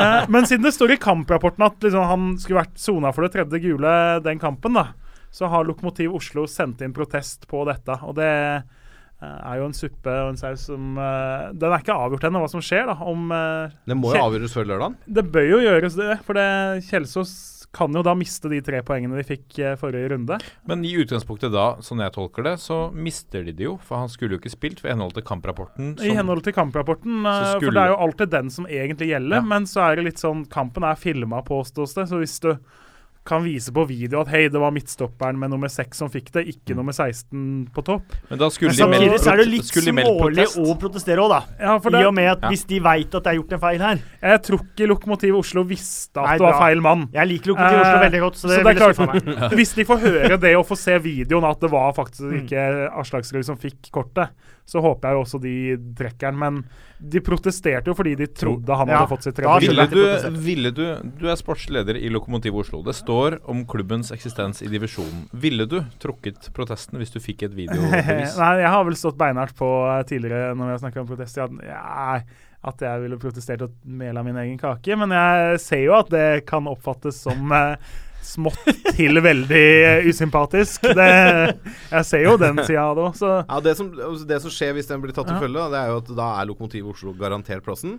Ja. Eh, Kjelsås er ned på 37, og da kan både mm, Lommedalen og eh, men det, men, Rinja men det hjelper ikke, for da er ikke det, den poengsummen de får, er ikke god nok til å være blant de åtte beste femmerne. Nei, det er Så- sant. For da begynner det å bli lavt igjen. Så det hjelper ikke Lommedalen og resten av laget. Nei, Eh, og Kjelsås 2 kommer sannsynligvis til å vinne sin kamp mot Strømmen 2. Strømmen 2 stilte med rent gutte-juniorlag og tapte 1-12 for Korsvoll nå sist helg. Ja, Fikk da riktignok ett tidlig rødt og ett seint rødt òg, men liksom sympatisk. eh, Mens Lokomotiv Oslo har en tøff kamp mot Korsvoll, da. Ja. Så hvis det blir stående sånn som nå, så er det en reell mulighet for at Lokomotiv Oslo blir tatt igjen av Kjelsås 2, hvis Kjelsås beholder poengene. Det blir spennende å se. Ja, jeg kommenterte jo Lokomotiv Oslo for et par år siden Ja. eh, på Frogner stadion. Der er det um, I, I cupen? I cupen, ja. Ja. Eh, og det er jo bare en lyktestolpe. Man sitter egentlig som Mm. Tobias i, i oh, tårnet. Men så har Vålerenga en spiller som heter Rino Falk Larsen. Mm. Eh, alle har alltid sagt at det er sønnen til Falken. Rolf Falk Larsen. Ja, det har blitt sagt ofte. Det har blitt sagt ofte, ja. Så jeg tenkte nå skal jeg gjøre jobben min ordentlig, i og med at dette er Frogner stadion, en historisk skøytestadion. Eh, så jeg ringer Vålinga. Er det sønnen til Falken? Ja ja, det er sønnen til Falken. Eh, så jeg OK. Eh, men så tenkte jeg, for å gjøre jobben min ordentlig, ordentlig, så ringer jeg Falken. Så jeg ringer Falken, sier ja, jeg skal kommentere Vålinga, der har jo du sønnen din, Rino, som skal spille. Eh, tenkte bare jeg skulle høre med deg dine opplevelser fra Frogner stadion. Jeg har litt dårlig tid nå, men eh, ja, eh, Frogner stadion kan si at det var stadion jeg slo gjennom på. Vi fikk min første ordentlig god tid i slutten av 70-tallet. Jeg skjønte at jeg kunne bli toppløper og bla, bla. Altså. men jeg må legge på nå, jeg har dårlig tid. Så ja, men da kan jeg ringe deg litt nærmere kampen. Ja, prøv det og sånn. Og så tok han ikke telefonen da. Mm. Men sendte et par tekstmeldinger til han og bare ja, litt mer av Frogner stadion og bla, bla. Han svarte på det og sånt noe. Og til pause så kommer Rine Falk Larsen da inn til sin Vålerenga-debut. uh, og så trekker liksom de store linjene på arenaen hans far. Fikk sine første gode tider og skjønte han kunne bli toppløper.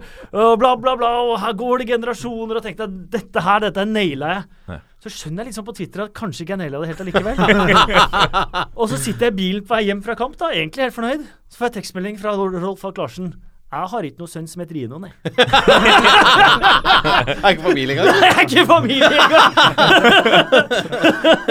så den Jeg følte jeg gjorde alt rett, men alt ble likevel feil. Men Falken er faktisk en sønn som spiller for Stavanger Oilers. Ja, ok. Ja, det ser du. Ja, ja, det. Nå må jeg gå og slippe inn Vestkanttribunalet, Lyns podkast, som Da- spiller inn her etter oss. da tar jeg avdeling tre. Ja, Da er du uh, vikarierende programleder, altså. Eh, avdeling tre den er også sikkert der Det eneste jeg kan si, da siden jeg vokste opp i Valdres Valdres klarte seg fått femteplassen, selv om de tapte forrige kamp. Avdeling fire òg er vel ganske greit? Nei, den ikke er ikke grei i det hele tatt. Det er en saus uten like. For det Ja, På hvem som tar femteplassen? Ja, og mye annet, fordi der er det sjetteplassen som teller, skjønner du. Hæ? Og grunnen til det er at Strømsgodset 3, de rykker ned. Og grunnen til det er jo at Strømsgodset 2 kommer ned fra annen divisjon, ja, og da riktig. må Strømsgodset 3 rykke ned. Og 3 Og vanligvis har det da vært sånn at beste uansett avdeling berger, sånn at man skulle tro at den niende beste femmeren i alle avdelingene får plassen. NFF har bestemt at den går da til samme avdeling. Så i avdeling fire så er Vestfossen og Odd eh, tre klare. Eh, og så er det Reddy, Holmen, Halsen og Mjøndalen to som kjemper om å, de to siste plassene, sannsynligvis. Men fem, eh, sjettelaget da, i den eh, Ja. avdelingen her, de, de berger. Eh, ja, det gjør For de har så mye poeng. da. Ja. Ja. Eh, ja, men der er det jo mange Og de møter Altså Halsen møter Godset 3, som er riktig. Odd 2 møter Mjøndalen Nei, Odd 3 møter Mjøndalen 2. Eh, ja, Holmen, det Bærum mye- 2, Ja, ikke sant. Så det, mye kan skje der, men ett av de lagene må ut, da. Ja, av riktig. kabalen, kanskje. Avdeling fem, Jørgen. Da har du uh, Ja, du var litt mer forsiktig nå Ja, på ja, Avdeling fem, der eh, er det avgjort hvilke fem som er fem. Det ser veldig greit ut. Men uh, det skulle ikke forundre meg om det kom en saus fra kjernen. Nei, nei, jeg, tror, jeg, jeg tror jeg er litt til saus der, men det, det ser jo greit ut. Det er jo en, har vært en ganske svak avdeling. Det er, det er en av de sportslig svakeste, tror jeg. Eh, Start 2 og så Lura er på femteplass nå. Ser vel ut som de kan slå Vigør og så sikre seg Og så er det jo eh, her sånn så de ligger utsatt til i forhold til poengsum. Altså Ja. at det femtelaget ikke Ja, nødvendigvis seg. Så Start 2 og Lura blir jo spennende. Men uh, hva, med, hva har det å si at Sandefjord 2 står med null, null poeng etter at de ikke stilte lag? Ja, det, for sånn blir det jo da. Hvis du mister plassen, så havner du nederst Ja, ja. med null poeng, og alle kamper strykes. Altså alle kamper er Eh, så ja. det går jo på poengsnitt, fordi de og Nest Sotra er borte. Ja. Så man regner hvor mange poeng du har tatt i snitt per kamp på disse femmerne. Ja. Så her får du jo da delt på 24, siden det er 13 lag i avdelinga. Mens de andre eh, avdelingene så deles det på 26 for femmerne. Plutselig utrolig mye mer ha, eh, spennende du må ha hatt uh, matte på videregående tror jeg, for å regne tabeller. Mer enn 2016. en Emma. Mer enn det. Ja, X-matte istedenfor Y-matte da jeg uh, gikk, tror jeg. Det var vanskelig. Det er godt vi har med en lærer, da, så dette har vi stålkontroll på. Og til og med Roppis tilbake òg. Vi er jo kommet til avdeling seks. her. så deilig. Jeg har sluppet inn uh, Lyn. De kommer rett etterpå. De uh, står her og Nå holdt de på å kaste skjerfet ditt igjen, eh, Lasse. Ja, men det er greit, det får du bare gjøre. Men da, når når vi er inne på Lyn, da, Ja. skal vi, vi hoppe nesten glatt over avdeling to. De vant avdeling to ganske greit. Det gjorde de. Ja. Gratulerer til de. Ja. Håper de kommer seg opp snart. Det har jeg sagt før. Ærlig, Men de har fortsatt uh, ærlig mening. Ja.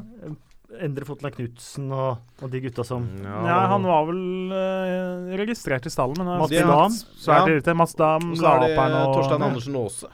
Ja, det har de selvfølgelig. Ja. Mm. Ja, toppskåreren til Koffa. Ja, han, spilte, han har ikke spilt så mye kamper, så sist jeg sjekka, så hadde han ni kamper og to mål. Oh, ja. Så det har ikke vært noe sånn eh, notorisk nedtre der. Nei. Nei. Jeg tror han skulle være det. Jeg tror ikke han spilte alt. Nei, han har vel hatt litt at uh, Spilt litt de gangene det har passa Ja. han litt. Uh, helgene har vel vært prioritert i familie og andre ting, stort sett. Ja. Litt av og til og sånt. Ja. Det, uh, men Lyn har ja, OK junioravdeling fortsatt. Ja. Vunnet den, vunnet denne uten problemer, egentlig. Åssen er det med tilskuertall og sånn hos de for tiden? Har det holdt seg bra? er sånn, eh, jeg tror de snakker om sånn rundt 500-600-700 det er veldig bra, altså. Det er bra, altså. skal de ha forventer, for. forventer over 1000 nå i serieavslutninga. Da er det liksom sånn fest da. Og så er det vel sto, altså De er jo store på det nivået her. så Skeid 2 eh, har vel hatt gratis inngang i hele år. Men da Lyn skulle spille bortekamp mot eh, Skeid 2, så valgte vel Skeid da faktisk ta billett eh, Og at det kosta 50 eller 100 å komme inn den Ja. eneste gang i år. For da Det kom faktisk noen bortesupportere og skulle se på kamp. Så da Også ganske sympatisk. snitt Ja. Jeg skjønner jo litt òg, da. Ja, da fikk jeg faktisk tekstmelding fra treneren til Alta, som lurte på hva podkasten heter. Ja da. Rune Repvik. Rune Repvik. Ja. Ny Eh, lytter. Det er en ny lytter. Ja, det er bra. Velkommen, Rune. Velkommen. Videre i eh, bredde i, i, i bredden. På avdeling seks, Mm. der er det jo eh, stort engasjement. Eh, Lokalfotball i Rogaland er jo tydeligvis stort for gjengen som bor der borte. Det er jo en livlig Facebook-gruppe og mye Twitter-diskusjoner rundt den. Ja, det er Lars han heter. det er Lars uh, Fiskekjøren. Uh, er ja. men det er Ivrig, mye ja. ivrig. Altså, lokalfotball i Rogaland er en Facebook-gruppe som koker til tider. uh, og der er det jo spennende. Stål har berga plassen og kan bli serievinner. Møter da Ålgård, som faktisk må vinne for å berge plassen. Det, Ålgård gikk fra 2-0 til 2-5 mot Bryne 2 sist helg. Å, den er tung. Eh, Haugesund 2 eh, trenger seier, eh, sannsynligvis. Møter Vard 2. Vard spiller jo da for eksistensen i annendivisjon samtidig, så det er vel grunn til å mistenke at Vard Mm. 2 ikke blir et kjempesterkt mannskap da. Brodd spiller da hatoppgjør mot nabo Vardeneset. Eh, Brodd trenger sannsynligvis tre poeng der. Vardeneset har null å spille for, men de kampene er litt sånn Det er liksom Stavangers tredjedivisjonsoppgjør. Vi skal velge ett oppgjør å se i tredje i Stavanger. Så, og nå da så Jeg tror jo Vardeneset er mildt keen på å ødelegge for naboen, da. Det, det, det mangler, selv om de ikke har noe annet enn ære å spille for på tabellen, så tror jeg de kommer til å gi alt i den kampen. Bryne 2 uh, trenger fort poeng òg, mot Sandnes Ulf 2, som er berga. Så det, det er mye som kan skje, for det er liksom mye interne oppgjør i toppen. og uh, det, ja. Du vet Jørgen, at folk kaller meg nerd mange ganger. Jeg blir bare blåst av stolen her. Altså. Det er fantastisk. Det er så deilig å ha med seg en sånn fyr som bare rydder opp hvis vi, hvis vi havner på villspor. Så bare henter han oss inn igjen. Hva du har av alle disse avdelingene her, jeg tror ikke det fantes, jeg. Men eh, Nei, det, eh, det Hva har, du, hva har du på Bjarg Tertnes da, i neste På Bjarg, avdeling 7? Ja, nei, eh, Tertnes har vel Jeg lurer på om de har et par karantener. Jeg har lista på PC-en etter jeg, men det, eh, den er jo Brann 2 har berga, Sotra har berga og varegg, eh, eller kylling, som det jo kan kalles. Varegg. Ja. ja. Oh. berga. Og er det Og han har humor, altså! Ja. Men så er det jo Os er på fjerdeplass, med to poeng foran Bjørg. Og Os møter jo sterke Sotra borte. Ja. Uh, ikke bergenske laget Sotra. Eh, Hordalandslaget. ja. Uh, så Os ka, står i fare for å tape sin kamp borte mot Sotra. Eh, og da kan Bjørg smette forbi og ta fjerdeplassen. For Og her, Femteplass holder sannsynligvis ikke i den avdelinga eh, på poengsnitt. Så for her også har du den der Nest Sotra 2 som da ikke har fullført. Ja, de, Som blir snittet. de fant at de ikke De hadde en tynn stall og valgte å trekke seg litt før en match, da. Og da mister de jo plassen. Avdeling eh, åtte. Den, eh, Den er avklart. Den er avklart. Ja, bortsett fra Fjøra vel trenger Fjøra, Fjøra er på femteplass. De trenger sannsynligvis poeng for å bli blant de åtte beste Ja, femmerne. Møter Kristiansund FK hjemme, som ikke har noe å spille for. Så Fjøra hadde en matchball mot nabo Sogndal 2 sist helg, tapte den overraskende. Nå har de en ny matchball til å berge plassen hvis de slår Kristiansund FK, da. Ja. De fire øverste er sikra i boks allerede. Da nærmer, vi oss uh, slutten på tredje divisjon. Avdeling ni. Mhm. Det er vel eh, noen avdelinger Ja. igjen. Ja, avdeling 11 11 og 12 er jo ferdig for lengst. ferdig. Ja. ja. Avdeling 9 Det visste jeg. Avdeling 9, der har jo Eidsvoll-turen vært fantastisk i hele år. 111 mål sier jo sitt. Uh, Redalen og uh, sannsynligvis Raufoss 2. Raufoss 2 kan jo teoretisk sett havne på femteplass, men må da De har 21 mål og 3 poeng mer enn Trygg Lade, så det er klart at det skal godt gjøres. Så de er nok i prinsippet sikre. Lillehammer bør slå Ottestad og berge plassen der. Så har jo Trygg Lade, som ligger på femteplassen, møter nettopp Eidsvoll-turen borte Ja. trenger sannsynligvis seier i den kampen, fordi eh, Sverresborg er ett poeng bak eh, med bedre målforskjell og møter Heimdal hjemme. Så Og Hva er det vi alle forbinder med Sverresborg? Marte Eliasson. Ja, Kantspilleren på bronselaget til håndballjentene. Å ja. Ja, der ser du. Nei, ja, det er sant. Ingen som husker Marte Eliasson? Nei faktisk ikke. Hvilket, Dette, hvilket år? er Hvilket år da? Ja, dette er eh, på 80-tallet, ja. Ja, ikke Ja, sant? Soul 80-tallshåndball. 88, det bronslaget der, ja. eller? mm, Nei, det var sølvlaget. Ja, det var sølvlaget. Bronslaget var 86. EM i 68, ja. Riktig. Mm. Ja, det da Da skuffet vi mange som hører på ja, denne, det er vel med på Peder Vinsnes som er trener for Sverresborg. Det, Fredrik Vinsnes. nei, Peder? Peder. Bror, Ja. bror Fetter. fetter. Med familie, i hvert fall. Bror fetter. Det er mye av det samme. Ja, noe, ja, noe av det samme. Og så kommer Vi skal ta siste avdelinga vi snakker om, vel. Her, siden avdeling 11 og 12 er jo ferdigspilt. Avdeling 10 er jo kanskje den mest spennende. Uh, her er Kolstad, Steinkjer, Orkla og Verdal er sikra topp fire. Men kampen om å bli nummer fem i avdelinga er jo usedvanlig spennende.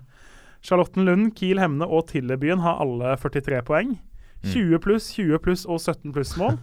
Eh, og alle tre møter lag som de har potensial til å slå med til dels store sifre. Åh, det er spennende. Tillebyen møter Stjørdalsblink 2 eh, hjemme. Blink 2 har stilt med rent gutte-juniorlag de to siste kampene, fordi de har hatt nok å tenke på andredivisjon. Mm. Og de har vel tapt 8-1 og 9-0 i sine to siste kamper, så det er klart at et Tillebyen som veit at de må vinne stort, kan dunke inn mål der. Mm. Kiel Hemne møter nestjumbo nest-jumbo Namsos hjemme. Vet, det kan også bli tosifra. Ja, De har sluppet inn 94 mål. sånn. Ja, sant? Minus å spille for. Og Kiel Hemne vet at, det hold, vet at det holder ikke å vinne, vi må vinne mye. Så det blir jo pump ballen opp og løp hjem igjen når du har skåra.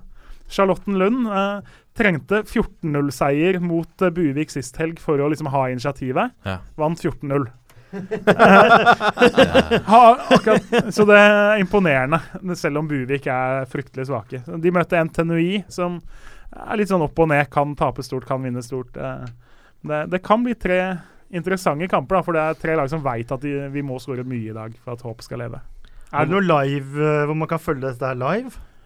Nei, eh, Norsk Tipping har jo resultatoppdatering. Så noen bettingselskaper har et par kamper live, men jeg er usikker på hvor mye det blir. Som, Som, regel midt ute i kamp. der har det vært spennende å sitte og telle mål. Avdeling Ja, ja. 10, ja. Den, eh, den ser veldig lovende ut uh, Ja, jeg er litt usikker. Trønderavisa følger jo mest laga i Nord-Trøndelag. Hadde Ja.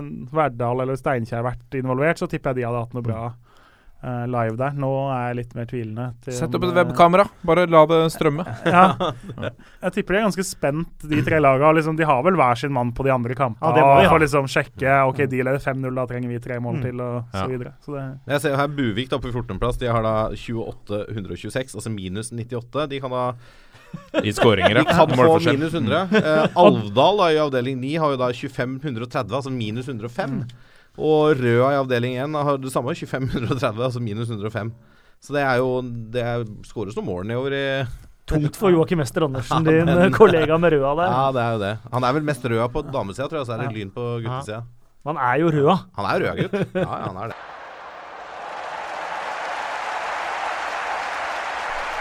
Og det er også veldig spennende i uh, Tippeligaen. Uh, det er ikke siste runde, men det er Nå er vi inne i cupfinalerunden, holdt jeg på å si. Det det er, eh, hver eneste kamp er en cupfinale for, eh, for spesiell bunn. og res resultatene nå sist helg gjorde det jo nesten optimalt spennende. Hadde Mm. Stabæk holdt ledelse mot Vålerenga, så hadde det jo for oss nøytrale blitt så spennende det kunne nesten i bunnen. Tenk så spennende det hadde vært om Vålerenga hadde vunnet, da. ja, ikke sant hvis man har de sympatiene. Men det, det er klart at selv nå med uavgjort der nå, så er det jo en haug med lag som uh, biter litt negler ja. for tida. Ja, du har jo altså, du har et Ålesund da, som nå har syv poeng ned til direkte nedrykk, seks poeng ned til kvalik. Uh, og vi nevnte så vidt Godset. De to skal jo rote noe veldig da for at de skal havne ned der. Så jeg, jeg har vel egentlig sett litt bort fra de jeg, når jeg tenker uh, avslutninga her. Tror jeg du hører helt rett i. Ja, Men eh, det er, blir jo en spennende runde nå, og mm, Ja, jeg vet ikke om eh, Skal vi tippe litt, eller? Åssen det går? Vi har jo Det kan vi også legge ut uh, for så vidt på sida. Du fant en lenke til oss, eh, Lasse, hvor man kan spå resultatene for de tre neste rundene. Ja. Uh, jeg har lagt inn mine. Dere, Nei, har har dere lagt inn uh, deres? Ja, Kasper, åssen ligger du an? Nei, jeg, jeg har ikke fått med det. Nei. Eh, Sto det i den innkallingen jeg fikk? Sto i, i møte i I den, i den oppfølgingseposten. Nei, den, jeg fikk, fikk ikke med meg den. Nei, Det Jeg greit. beklager det. det er greit. Jeg har heller ikke lagt inn, men jeg har jo tenkt over litt hvordan man tror det ender. Så. Vi begynner med der. Lasse, hvordan ser eh, tabellen ut etter uh, serien er ferdigspilt for deg? Ja, etter serien er ferdigspilt, uh, så er det en ganske trist tabell. Ja. Skal jeg ta alle, alle 16, eller skal jeg bare ta bunnen? Du kan vel ta bunnen fra Eh, da er det 11.-plass Bodø-Glimt på 34, så Tromsø på 34, Lillestrøm 33, og Vålerenga på kvalik med 32, og Stabæk rykker ned med 31, har jeg satt opp. Mm. Og Det begrunner jeg da med at uh, Stabæk er svake hjemme og møter Sarpsborg nå. Den tror jeg de taper. Tromsø slår Vålerenga på Alfheim, uh, og LSK kommer til å spasere over start.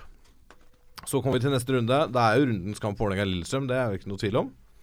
Eh, det er en helt åpen kamp, og Lillestrøm har fått litt sving på sakene nå. Den, men jeg tror den fort blir sånn klassisk 1-1 Derby-kamp. Ja, 2-2 er jeg tippa der. Ja, ikke sant? Eh, jeg tror Stabæk taper bort mot Molde, som kanskje begynner å lukte litt på medaljer nå. eh, Selv om Stabæk har vært gode borte i det siste. Tromsø taper i Sarpsborg, men jeg tror Glimt slår Viking på Aspmyra. Og det er i siste runde.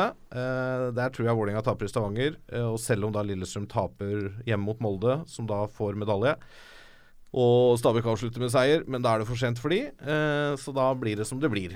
Eh, og da blir det Brann på sølv og Molde på tredjeplass, og Odd får fjerdeplassen i, min, i mitt oppsett, da.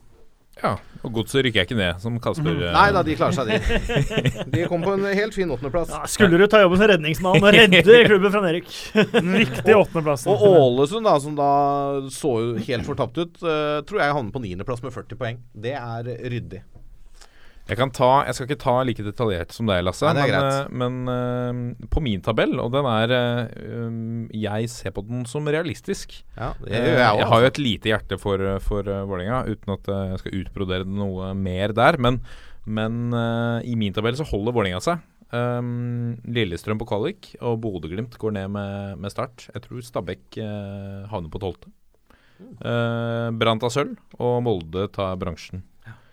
Eh, Odd på femte. Og Godset holder seg altså på min tabell. Mm. Det som er litt sånn viktig å ta med her, er jo den formtabellen her nå. Mm. Hvor Ja. Vålerenga plutselig har fem kamper uten seire, og du så det mot uh, Stabæk. De var fullstendig knytt hele gjengen, og det var kun mentalt, tror jeg. Mm. Eh, Lillestrøm har kommet inn eh, med to seire nå, og har en helt annen innstilling til det de Tenk om de hadde tapt mot Stabæk. Da tror jeg de hadde vært ferdige allerede. Ja. Eh, da tror jeg ikke de hadde vunnet i Bergen heller. Men nå har de en helt annen feeling i det de, de, de holder på med. Så sånn, sånn sett også, så, så Tromsø og Bodø, ser det, eller Glimt, da ser det jo veldig stygt for oss. Jeg er enig. Jeg tror de to Jeg tror vi får minst ett av de to nordligste lagene ned på kvalik eller direkte Mm, nedrykk. det tror jeg. Tromsø og Bård Flovik meldte jo for en måneds tid siden at vi er helt sikre det var umulig å tenke seg at de kunne rykke ned og så videre. Så de har nesten ikke virka liksom klare over at det her kunne skje. Mm. De, hadde de tatt start sånn som de burde og det var forventa Mm. å gjøre nå, så hadde det jo sett veldig mye mer lovende ut. De har, sånn det er Hvis de taper poeng mot Vålerenga, ja. så er de Og så har de, ja, så har de i Sarpsborg borte. Det Ja. er jo en småekkelkamp. Og så Odd hjemme, som kan mm. fort spille for medaljer i mm. siste. Ja, ja. Det, jeg syns Tromsø er et ekkelt program. Det er, det er jo jevnt nede der. Ja, Det er ikke noe, Vi kan ikke friskmelde noen av de fem laga, på en måte. på Men, ingen måte. men men jeg, jeg, mitt tips blir at Tromsø går ned, selv om det er jevnt. Så mest magefølelse. Men, eh, altså, nå, jeg, det er ikke noe tvil om eh, hvor hjertet mitt ligger, og det er mulig jeg er litt eh, pessimistisk på Vålerengas vegne, men jeg er litt inne på det, det som Kasper er inne på, med formtabell og hvor forknytt Vålerenga ser ut om Mm. dagen. Mm. Så skal de nå til Alfheim, en uh, stadion de mistrives på. Mm. Altså, de har da der oppe bare vunnet fire, Tromsø 12 og åtte har endt uavgjort. I fjor så vant Vålerenga 5-4 en helt ellevill kamp. uh, men Tromsø har jo da en spiller som heter Magnus Andersen, som uh, har fem mål på sine fem siste mot Vålerenga på Alfheim, eller fire på de siste tre. Ja. Han har totalt 24 tippeligamål. Fem av de har altså kommet mot Vålerenga på Alfheim. Han skårer nesten alltid, og det er handi du starter med handikap med han på banen. Uh, Vålerenga starter med handikap uansett for tida. ja, de gjør jo egentlig det. Så jeg tror Tromsø vinner den kampen i helga, og da, blir det, og da begynner det å ordentlig brenne på dass for Vålerenga, selv om det allerede gjør det. For den der Lillesund-kampen som sagt er helt åpen. Den kan gå begge veier. Mm. Og Og Vålerenga virker litt veike når de møter lag som eh, Lillestrøm, da. ja, litt Som sånn mater på alt med Ja. de svære og eh, kontringer og, og- og- kompakt ja. og alt sånt. Ja, de er på en oppsving og formmessig. Ja, og, og jeg tror Lillestrøm tar start ganske greit på Åråsen. Det Altså. gjør de. Ja. Det er ikke noe det, da, da er det tre på rad, og da begynner du nærmere nærme deg noe. Ulempa for Vålerenga og Glimt er jo at de har én hjemmekamp hver, mens eh, Tromsø, Lillestrøm og Stabæk vel har to hver hjemme. Ja, det er kanskje en ulempe for Stabæk, da. Ja, selv om de er jo elendige hjemme, men det, det skal jo være en fordel på ja, å ha to sånn utgangspunktet skal det jo det. Så Nei, det blir, eh, Og det blir Stabæk, Stabæk har jo start i siste. altså Mm. Det er Det vanskelig er å be om et enklere oppgjør i siste Ja. runde enn Ja, Jumbo. det. Det sier seg Ja. vel selv. Det, Så et uh, nordnorsk lag ned og et uh, Oslo-lag på kvalik. Et stor-Oslo-lag på Ja, kvalik, altså. ja. Ja, eller et Vålerenga på kvalik, var det Ja, egentlig. det var det det. Ja, ja, ja, Med, med tanke på at vi kan ha både liksom Bodø-Glimt og Tromsø i nord og Lillestrøm, Stabæk og Vålerenga i Store-Oslo, så var det Men altså, det- ja, altså det som, som Vålerenga-supporter, Mm. jeg tar gjerne en kvalik hvis de går gjennom den med å holde plassen. For det har vi sett Ja, før. det er klart. Jo, jo, men nat Naturlig nok. Men også sånn historisk sett. Du har jo av og til sett lag som klarer det, Mm. Og klare kvaliken, som kanskje får en liten opptur i etterkant av det, da. Ja, bortsett fra Vålerenga kommer til å rykke ned i kvalik. Ja, det er, kan du hende. faktisk ja. Hvis man begynner å se så langt, så tenker altså Sandnes Ulf f.eks., maksnivået der er ikke veldig mye lavere enn at de kan matche Bodø-Glimt, Tromsø, Stabæk f.eks. på Og så er i den kvaliken. Jeg tror det kan bli spennende i kvalik i år. litt som du er inne på, da. Lag som tror, eller blir fortalt, at de er for gode til å rykke ned. Altså Ja, sånn som Tromsø Tromsø. har jo Uh, Vålerenga har jo blitt fortalt det nesten i hele år pga. spillerstallen og sånn. Nei, de er for gode til å rykke ned. De er ikke det. Det er veldig realistisk. det er stort sett to stykker som har levert på et bra nivå. Det er Sander Berge og Gia Ja. Og Sander Berge er Eh, ute resten av sesongen ja. med meniskskade. Og resten har det vært fryktelig svakt, altså. Ja, det har vært uh, tynn suppe, Mm. som noen ville sagt.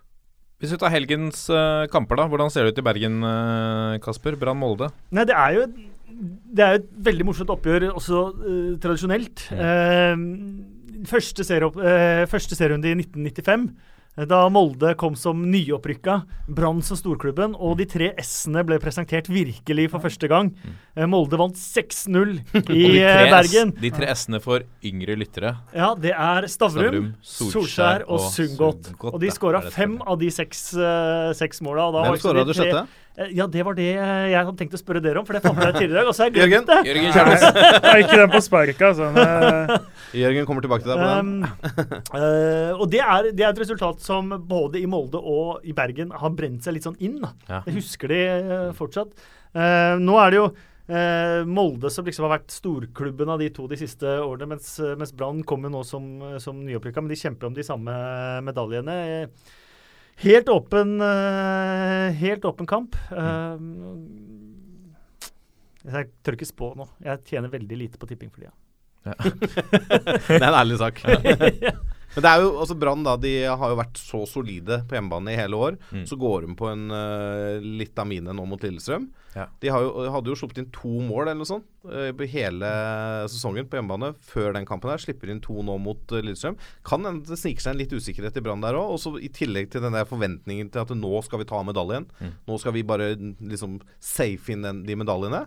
Eh, Bergen og Bergens publikum er vel ikke de mest eh, gunstige når det, når det begynner å dra seg til, sånn sett. Nei. Det, Med litt forventninger. Selv om det i hermetegn bare er sølv. Det er jo ikke gullet som skal hjem, men eh, ja. Jeg tror det sølvet betyr ganske mye ja i en det er klart det bør gjøre det. ja, I en sesong hvor de er så mye nyopprykka. Jeg syns sølv og bronse sånn apropos. Ja. For en rar greie, ass. Ja, du er ikke glad i sølv og bronse, du? Nei. Andre- og tredjeplass. Europacup. Europa, ja, men Samme om du får sølv eller bronse. Kjemper om sølv, kjemper om bronsemedaljen, liksom. Ja, men tenk liksom sånn som Ja, okay, Det er Brann jo som- fotball, det er ikke langrenn, liksom. Nei, nei, men greit nok, da. Men, men eh, ja, ok, Brann og Molde og disse klubbene som kanskje Royal League, skal være der. Kjempe om fjerdeplassen. Kjempe om Royal League. Jeg syns det er morsom, morsommere, morsommere enn å kjempe om Eller. Intertoto, husker du Ja, det? Intertoto. Oh, Eller apropos, for å ta en skikkelig For å ta Ja, en husker du ikke Intertoto? Jo, men var ikke det bare lag som hadde oppført seg fint? Så Nei, nei, nei, nei. Det var jo i uh, Norge, For Norges del så var det jo 1, 2, 3 som tok, fikk Europacupvarel, og fjerdeplassen fikk Intertoto. Ja. Og hvis du da gikk langt til Intertoto, så, vant ka- Intertoto, vint- da- så kvala du til E-cup. Ja. Jeg husker jo i 2006-sesongen. Vålerenga starta ganske dårlig. Reka Ika gadd ikke å reise rundt og bli pissa på. Petter Myhre overtar. Og Vålerenga kjemper seg til en bronse og tar den rett foran nesa på Lillestrøm i siste runde. Men de fikk Newcastle Ja, de fikk Newcastle. Ja. i Intertoto. Da blei eh, følgende sang sunget på Vålerengas bronsefest. Intertoto, ole, ole, ole, ole, ole, ole. Og han som dro i gang den, var helt tilfeldigvis uh, Vålerengas hovedtrener for, uh, på den tiden.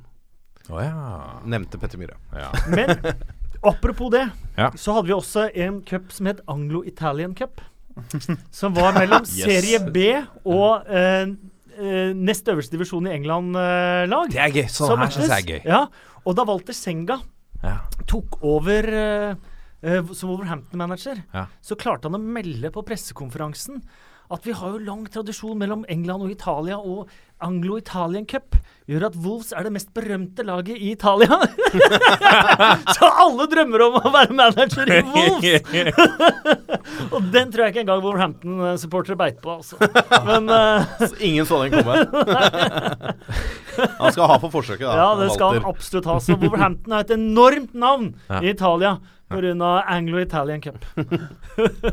Fantastisk. Har du googla deg fram til noe? ja da, Hvis vi går tilbake til 6-0-seieren til Molde, så var det jo det ikke helt Det er 1-0-mål som ikke ble skåret Yes, av og det er jo av det ikke helt ukjente fotballnavnet i norsk fotball. Rekdal. Sindre. Sindre Sindre Rekdal. Som satte inn 1-0, faktisk. Uh, så, ja.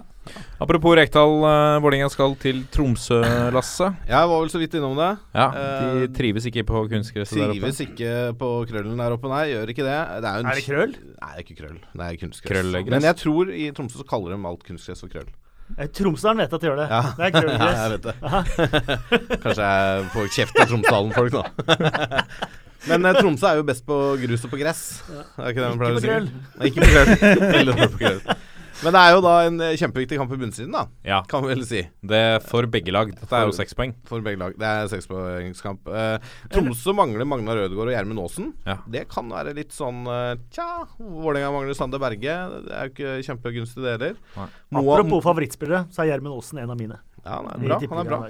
Moa tilbake. Kan jeg da få skyte inn småbrifene at uh, Gjermund Aasen uh, så jeg herje for Strindheim da han var 16 år. Jeg husker en, første matcha jeg så han Da så hamra han inn to skåringer. Altså ene uh, var på halvvolley fra 25 meter med venstreveien. som bare Altså han så jo ut som han skulle bli holdt sin gamle Martin Ødegaard omtrent på den tida. Men eh, vært en sånn, han har vært god lenge. Jeg har vært fascinert av han eh, lenge. Det, Ja, jeg gjorde sak på han på La Manga. Ja. Han som junior fikk prøve seg på et par matcher for Rosenborg. Mm. Han herja. Faren min var jo sportssjef i HamKam. Liksom, hvis jeg så noe spennende oppe i Trøndelag, så skulle jeg liksom sende han litt ord. Og da var det Gjermund Aasen og Bendik By, som nå er ganske gode i Levanger. Det var de to jeg endte med å sende noen ord om. Så, Så du har jobba som speider? ja, det var, det var betalt i uh, pølse og vaffel de gangene jeg var på har Briskeby. det Og litt, litt finere julegave enn vanlig av far. Da skal jeg endre beskrivelsen av Jørgen Kjernås i denne podkasten som tidligere speider for uh, HamKam. Har du speida noe i det siste, Jørgen? Kan du spørre om det neste gang? ja, ikke Kanskje du får noe svar. Lite Nei, men jeg tror, jeg tror dessverre Det smerter meg å si det. Jeg tror denne kampen blir litt for tøff for Vålerenga, rett og slett. Jeg tror Tromsø vinner 2-1. Ja. Hvis vi går videre til Åråsen uh, Lillestrøm Start, er det så mye å si annet Ja, enn at Lillestrøm var jo nesten død og begravd, for de har Ja. slått Stabæk og Brann nå. Erlandsen-effekten? Erlandsen-effekten. Men Kunne klart, han kommet litt seinere, da? Uh, det er jo en optimal kamp til å fortsette den seiersrekka. da, Start hjemme, selv om Start nå har vunnet de to siste hjemmekampene sine. Mm. Uh, så har de jo ikke vunnet borte siden krigen, omtrent. Så eh, det er klart at et Lillestrøm med alt å spille for skal jo ta tre poeng 4-1 mot Start. Ja, jeg tror De mangler jo litt folk. Nå fikk de vel eh, både Gerradi og Gary Martin suspendert, og så litt skade på Lundemo osv. Så, videre, så Lillestrøm er jo litt i beinet. Men Knutson gjorde jo en grei jobb på topp som innbytter nå i Bergen. Det skal holde mot start på ja, altså, uansett, altså. Lillestrøm skal vinne den kampen og ha alt å spille for. Det, det vil overraske om det ikke ender med hjemmeseier der. Veldig kort om uh, Stabæk-Sarpsborg. Uh, jeg tror at uh, um, Tippeligaens fortsatt Det er vel fortsatt det dårligste hjemmelaget? Stabæk. Ja, Jeg har vært, ja, nå er det nesten dårligst, dårligere enn Start òg, vel? Ja, Nesten. det Siden Start har vunnet, i seks, eh, vunnet to siste. Omtrent. Og det passer veldig dårlig uh, i nedrykksstriden. Um, I hvert fall når du har igjen to hjemmekamper. Ja. To av tre er på hjemmebane. Det ser ikke så veldig lovende ut. Uh, Sarpsborg har vel eh, ingenting å spille for, annet enn en, eh, en fjerdeplass. Og det er ikke noe Europaliga Ikke Inter på engang. Ikke Nei, Inter men, eh, Hadde jeg hatt Inter fjerdeplass- Toto-plass gi- Fjerdeplassen gir vel uh, no. Europa hvis Rosenborg vinner cupen, gjør det ikke det? Ja, ja. For da, det. da er får sant, ja, det er sant. Joker. Og det er jo ikke helt usannsynlig. Så Men det kan bare avskrives, det. det Er ikke nødvendig å kjempe for fjerdeplass, gutter. så det Men Sarpsborg eh, har jo hatt en bra sesong. Ja, Og fikk vel en opptur nå med 2-2 mot Rosenborg sist. Ja. Så eh, jeg tror Sarpsborg fort tar denne kampen der, altså. Ja, og det kan bety, som vi snakker om, det kan bety europaplass for de det. Det det, Ikke da. med seier her, men med fjerdeplass. Ja. Mm. Hm. Eh, Da får Sarpsborg heie på Rosenborg i cupen, da. Sarpsborg mot Ajax, for eksempel. Tenk, den, den, den, klinger. fantastisk. Skikkelig. Det var gøy Det var kjempegøy. ja, for norsk fotball få Det med sånne kamper. Det blir en veldig spennende helg, eh, gutta, i, i bredden og i uh, toppen. Men kanskje aller mest i bredden i annen og tredje divisjon.